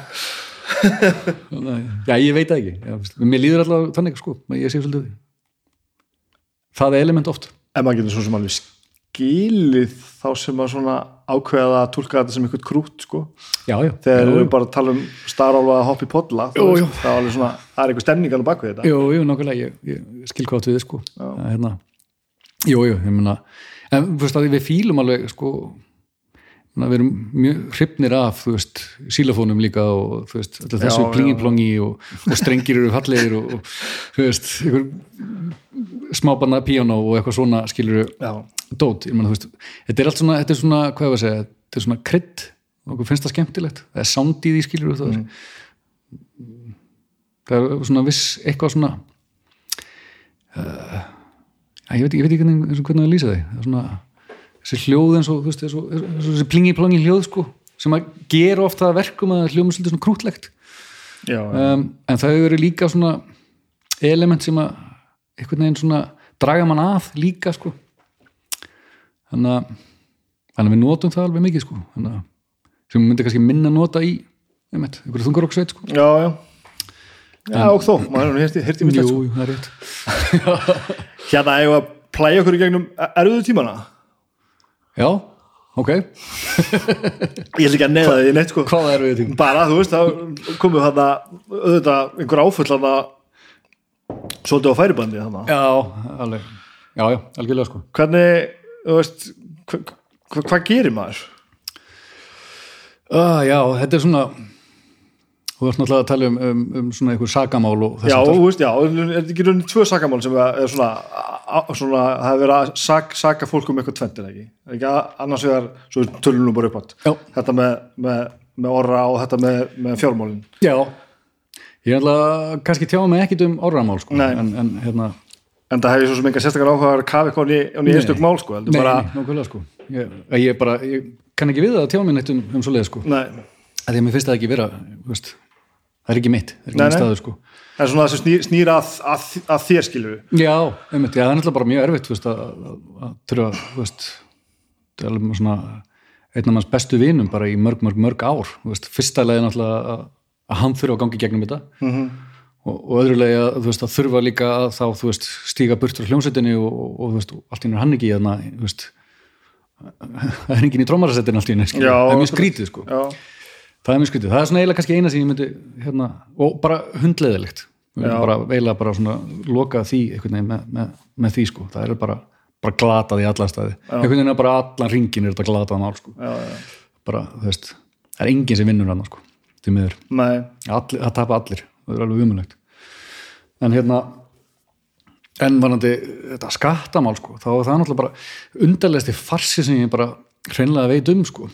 Þú veist, ég, svo veit maður ekkert hvort maður megi tjá sig eitthvað svona svakalega En þú vil ekki segja meira en þú vil sko. Ég bara, ég, bara, veist, ég get allavega útskýrt að veist, okkur líður ekki eins og við gerum neitt rámt það Nei, var önnur mann ég, ég skil alveg vel ef einhver sagt segir bara, já, þeir eru náttúrulega bara að komast undan með eitthvað, eitthvað, en bara alveg frá degi eitt þegar við fórum að skrifa undir samning og þess að þá var alveg sérstaklega tekið fram að við ætlum að vera rosalega heiðilegir varandi svona mál og, og borga alla, alla, alla okkar skatta á Íslandi og þetta var allt alveg bara svona þetta er bara skjálfest hjá okkur sko þetta var bara svona, veist, bara agenda já, bara frá því bara veginn í fyrndinni bara, bara alveg bara þegar ágætt spyrjunir kom út sko. Ok. það var bara ákveðið, bara allt svona verður bara að vera algjörlega heiðalegt og, og, og, og hreint og beint og ekkert svindl og svínur í sko.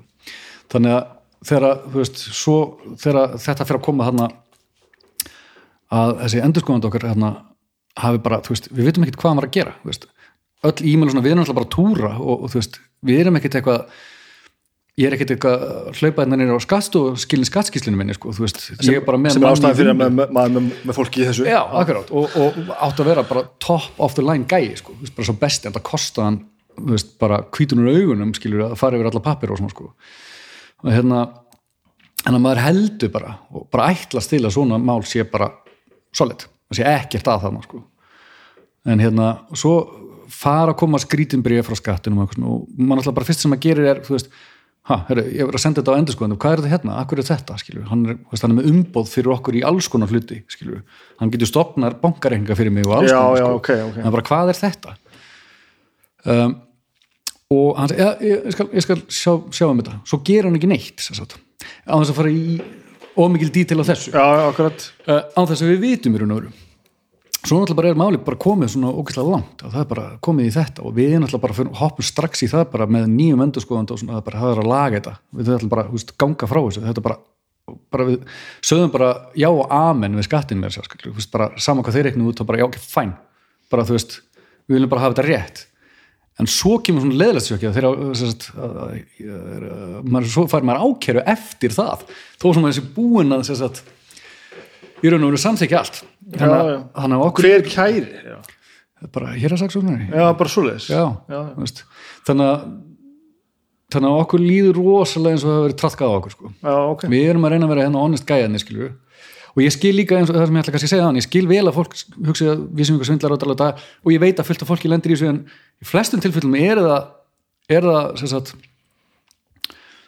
þetta er oft, veist fólk í fjármálageranum sem lendir í ykkur já, svona, já, já, við erum ekki í fjármálageranum þess vegna ráðu við besta endurskóðandi heimi til þess að veist, sjá um þetta. Við erum aldrei lendið í þessu, veist, við erum með endurskóðandir í bandaríkunum og Breitlandi og aldrei lendið í einu vesen þar. Nei, þannig að hvað, þú veist þetta er þetta er búið að taka á og hvað, hvað stendur þetta núna? Meina, það, það var fatt, kæran var þess að við var að vísa frá í héræði okay.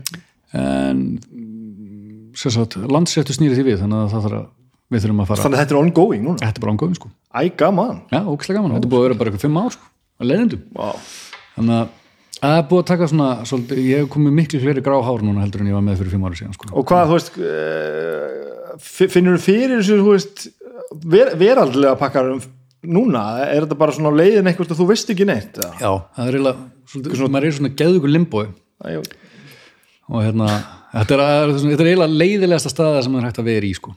Það er, og svolítið erfitt að setja sig við þetta ég var eiginlega viðkynna það.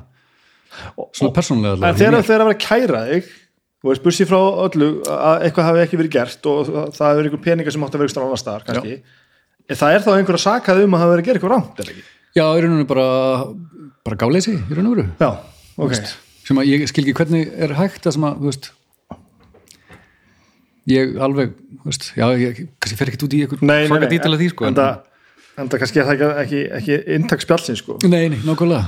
En að, nei, nei, bara, þú veist en að já, ég, ég veit ekki eins og hvað ég að segja sko. þetta er bara, mér finnst það bara fyrirlegt mál, bara út í gegn sko. Ég, ég það sá, er bara leiðinlegt, þetta er bara hundleðilegt ég sá viðtal við Tómaræja söngvarni Slegir já. fyrir svona þremur án síðan þegar Slegir var augljóslega svona lognast út af. Já. og þeir voru basically bara tveir eftir að fjórum einn áinn og annar rekinn sko í Slegir og þeir tveir eftir sem eru svona ekkert bestu vinnir í heiminum. Já Kerry King, gítalegarinn svona, hann, hann ber sér alltaf geðið eftir vel og er bara svona átjónara töffari í, þú veist, í, í, í líkama sextugs þungar okkar sko.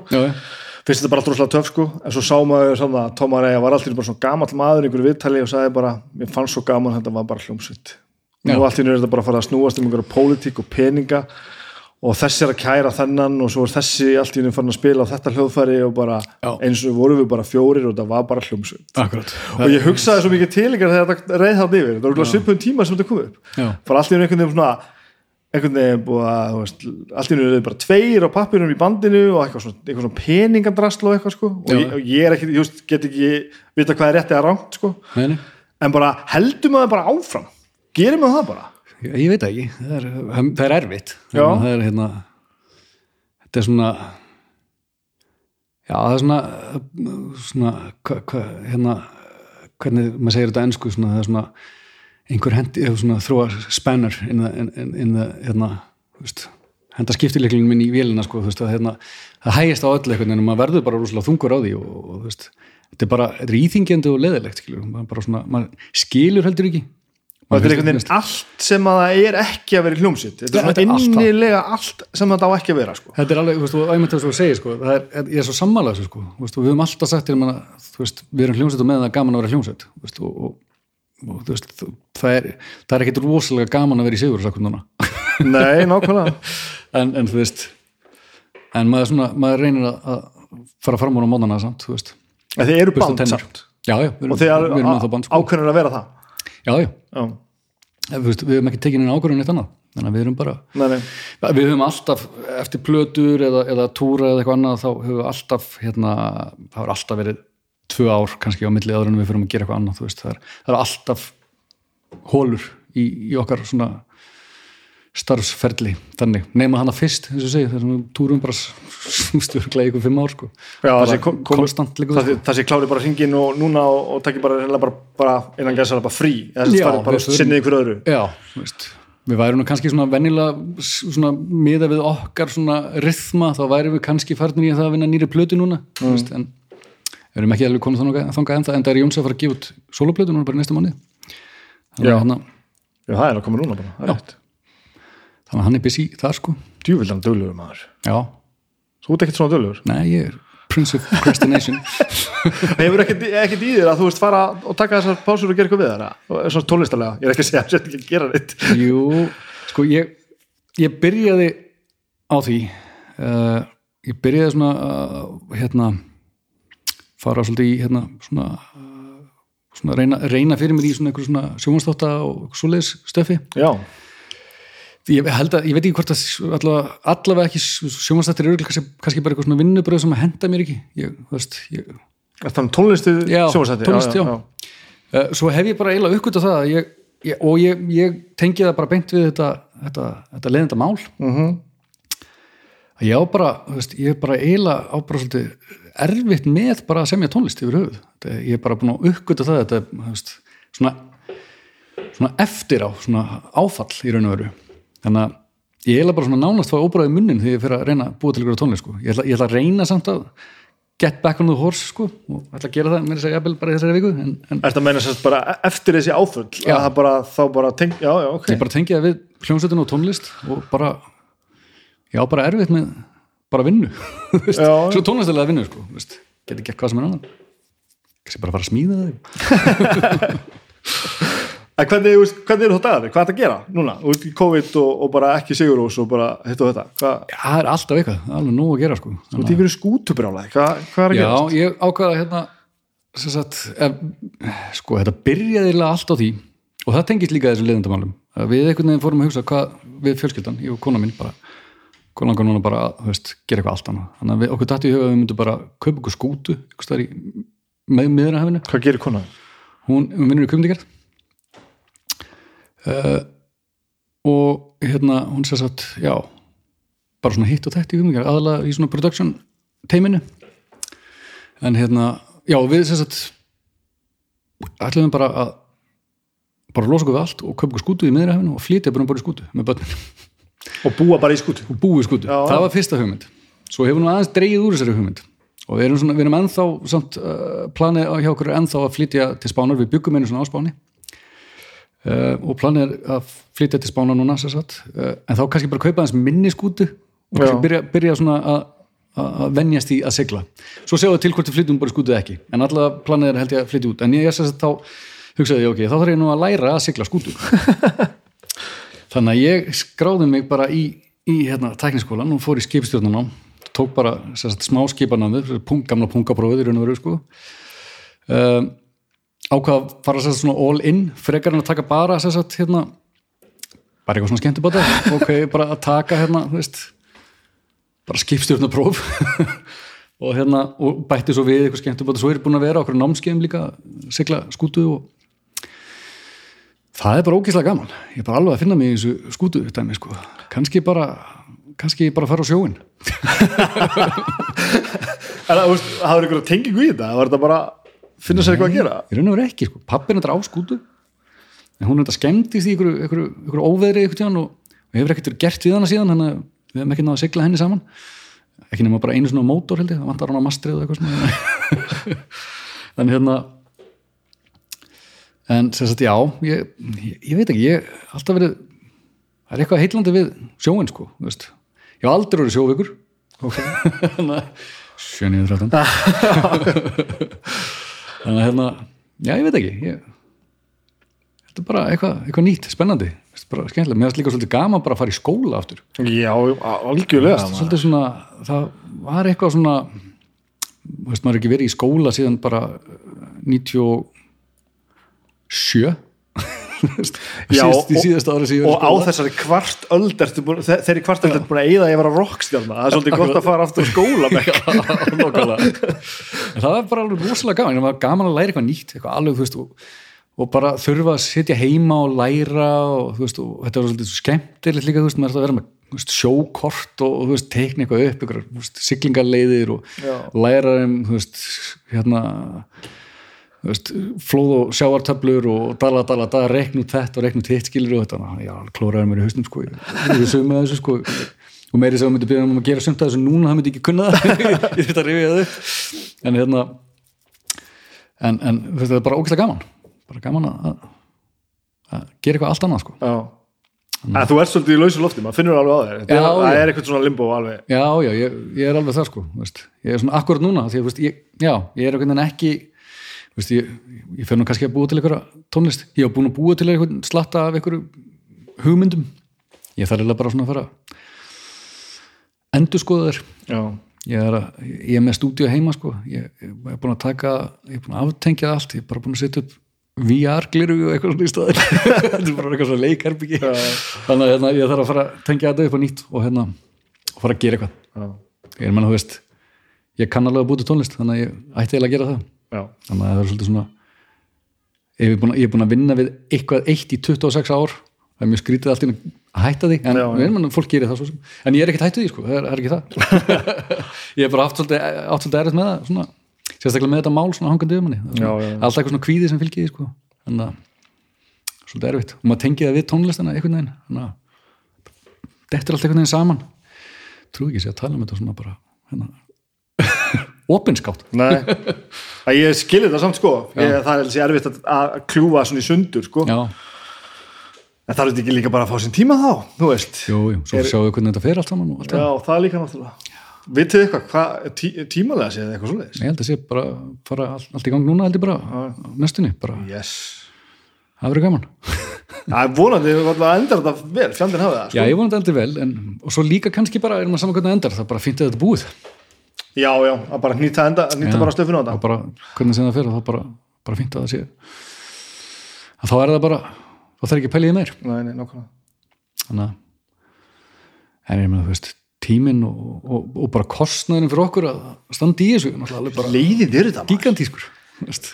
En fólk sem gerir þetta bara atfinnu, bara alls konar svona dót finnst þetta bara gaman, ég bara skildi ekki. Þetta er brjáður sko. fólk sem hlæra það þegar búið að kæra það finnst þetta bara skemmtilegt oh, að fólk ætti bara fara til búið að kaupa sér gítar. Já, fjandinn það, sko. Gera eitthvað skemmtilegt. Ekki vera að pæla í svona. Herru, árum við hættum svo við fyr- förum við ekki hérna grátandi út. Komdu mér hérna, se- segðu mér hérna einhver svona svona, há- svona hápuntamoment að þú varst að tala um þegar stígur á svið til þessi Madison Square Garden og þetta. Hva, hvaða moment er þetta sem voru svona bara oh shit já. Það er góð spurning samt sko. Eh, þau eru samt alveg rosalega mörg. Þannig að veist, og það er sérst framhalspurningin var sko nærða Já. njóta þess að gera þetta. Ekki alltaf, nei. Það er alveg, það, það er þetta góð punkt líka. er það? nei, það er, er stundum stundum er það einmitt þannig eins og ég var að segja á hann stundum byrja maður bara nöldra að kvarta yfir ykkur, skilju, gleymu svo þessum mómentu sem eru svo geggjuð, sko. Eins og þessi móment að standa uppi á, á sviði í Madison Square Garden fyrir svona 15 uppseldan sal, skilju, 15 manns og, og þú veist, það er bara brjáluð læti, skilju, þú veist eftir tónuleika það er bara veist, þetta er náttúrulega klikku tilfinning, skilju. Um, það, er, þú veist, ef, ef við erum að tala um þannig en svona, þú veist, bara ég veit ekki, samt, þú veist án þess að vera eitthvað veist, ég er komið svo marga klísur en, en hún verður samt að vera það þú veist, að, þegar börnum mann fæðast það er samt einhvern veginn toppar allt, skilur já, það gerir það. Og svo bara þessi litlu moment það sem er bara, veist, eins og við fjölskyldan bara upp í sumabústað og kannski heitapottunum og, og það er næs veður og maður horfir í kringu sig og, og maður alltaf bara fattar bara, Já. það eru hápunktar. Þeir eru eiginlega besti, sko. En auðvitað eru náttúrulega þessi geggjum moment tónlistilega tengt, skilur, þú veist uh, rísa tónleikar uh, hitta allt þetta fræga lið út um allt, skilur, þú veist og, og veist, það er alveg gaman. Já. um, ég er nefnilega með kenningu með þetta mál sko. já, veist, ég hef náttúrulega ekki, ekki, ekki afreika sömur hlut og þú en þú veist, ég veit, búin að spila tónlistara mína með Sinfónilust Íslands í Elborg skilur og allt þetta dót bara, og, og, og hvaða moment sem kýsta svona hvernig þér líður með hlutina það skiptir kannski meira máli sko. já, en það er eitthvað við að hafa gert allt þetta sko, og vera svo upp í sumabústum í fjölskyldu sinni. Já, það er, það er, er, það er góð punktur. Það svona, það svona hérna, auðgar þessi, þessi moment svo mikið sko, Einmitt. þau verða eiginlega enn betri að þegar maður svona, maður finnur maður bara hvað þetta skiptir í alvörunni miklu máli sko. Já, að vera með fólkið sitt í lægi akkurát þegar þú getur borið þetta sama við einhverja svona, þú veist, stóra stórkostlega viðbyrði, sko. akkurát, það er er Þetta er það sem ég, það sem ég meðaldra maðurinn hefur náða að taka út úr því að ná að afreika eitthvað í lífinu, það er að ná að bera þessa, þessi afreik sama við lillu hlutina sko. Nákvæmlega. og einmitt það eru sko, það eru hæðir og læðir og hérna, veist stundum einmitt þegar maður er í leiðin þá gleymir maður að horfa á hæðinar þær eru þarna. Þær eru og þær verða þær koma og, þær, veist, og þú áttar í minningunni veist, og maður er muna það bara líka það er bannað að væla. Það er bannað á það Það var frábært. Takk fyrir að tala um mig. Bara takk sem við leiðis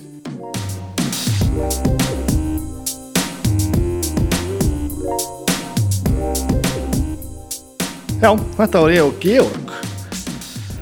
Ef að segja að hann sé hæverskasta og, og rólegasta rockstjarna allra tíma það er nú ekki, ekki hasarinn í kringum hann. Það er allavega búið að taka lífið svolítið harkalega í sína hendur og hann veit nákvæmlega hvað hann er að gera. Það er nokkuð ljóst. Um, ég held ég þurfum ekki að hafa mikið meir leiri orðum þetta mál. Þetta var náttúrulega ógeðslega gaman og, og insýn í ansi margt sem maður kannski vissi ekki. Um, og svona auðvitað svolítið skrítið einhvern veginn þegar, þegar maður er með svona, svona heilagt entity eins og, og Sigur Rós, svona draumkend draumkend svona já, þetta er svona einhver svona, einhver svona, svona sábukúla sem maður sér fljóta um og, og einhvern veginn, auðvitað, auðvitað þó að við séum íslendingar og sjáum þetta kannski ekki alveg eins fjarlægt eins og, eins og, eins og útlingar gera, þá enga síður Sigur Rós svolítið svona ósnertanlegt fyrirbriði og það er svolítið skrítið að analæsa þetta svona og einhvern veginn kafa svona onni þetta og, og rífa þetta systematist í sundur og tala um realísku hlu- hlutina. En, en auðvitað, við vitum þetta svo þess það er bara þannig heyriði, ég ætla nú að, minnast aðeins á hljókirkjun aftur. Þetta eru fimm þættir í viku, dómstæður á, á mánudum og á síðasta mánudag var nú hafa að tala um rútur og, og, og fara í sleik og, og kúk, auðvitað, auðvitað þarf að tala um kúk, það er alltaf þannig. Kokkaflaki fyrir snildalega stað er ekki þáttu tvöruna, ég held það? Og það er hérna, það er frábært þáttu, tekja því. Það er- Óli er að tala við hérna Jakob á hotninu sem er náttúrulega bara þegar hann opnaði hotni var það bara eitt fyrsti veitingastæði bara á landinu. Og, og þú veist hlutir eins og ferska kryddjusti voru bara, voru bara nýlunda og munaður. Ótrúlega fyndið að fara svona einhver, einhver tímaferralag og glæsilegt spjall, ótrúlega gaman að heyra, heyra þetta allt saman. Viðkynni það, ég er ekki búin að hlusta á drauga fortíðar þessa, þessa vikuna en, en, en, en ef ég maður rétt á heitir þátturinn Pólska stríðshetjan frá Dalvík. Allavega eitthvað Póland stríð og Dalvík. Þetta er allavega eitthvað alveg stórundalegt alveg stórundalegt á morgun er svo besta platan og það er besta platan með Slayer það hlaut að koma að því. Maiden þar síðast, Abba síðast og núna Slayer. Mér finnst þetta eðlilegt, þetta er mjög eðlilegt. Annars held ég að þetta sé gott hérna hjá mér. Þetta var vísna magna takk fyrir að hlusta á hljóðkirkjuna. Þetta gengur ógeðslega vel og það er bara vegna þess að þið eru að hlusta á okkur. Og það er hrikalega gaman. Þanga til næst. Takk takk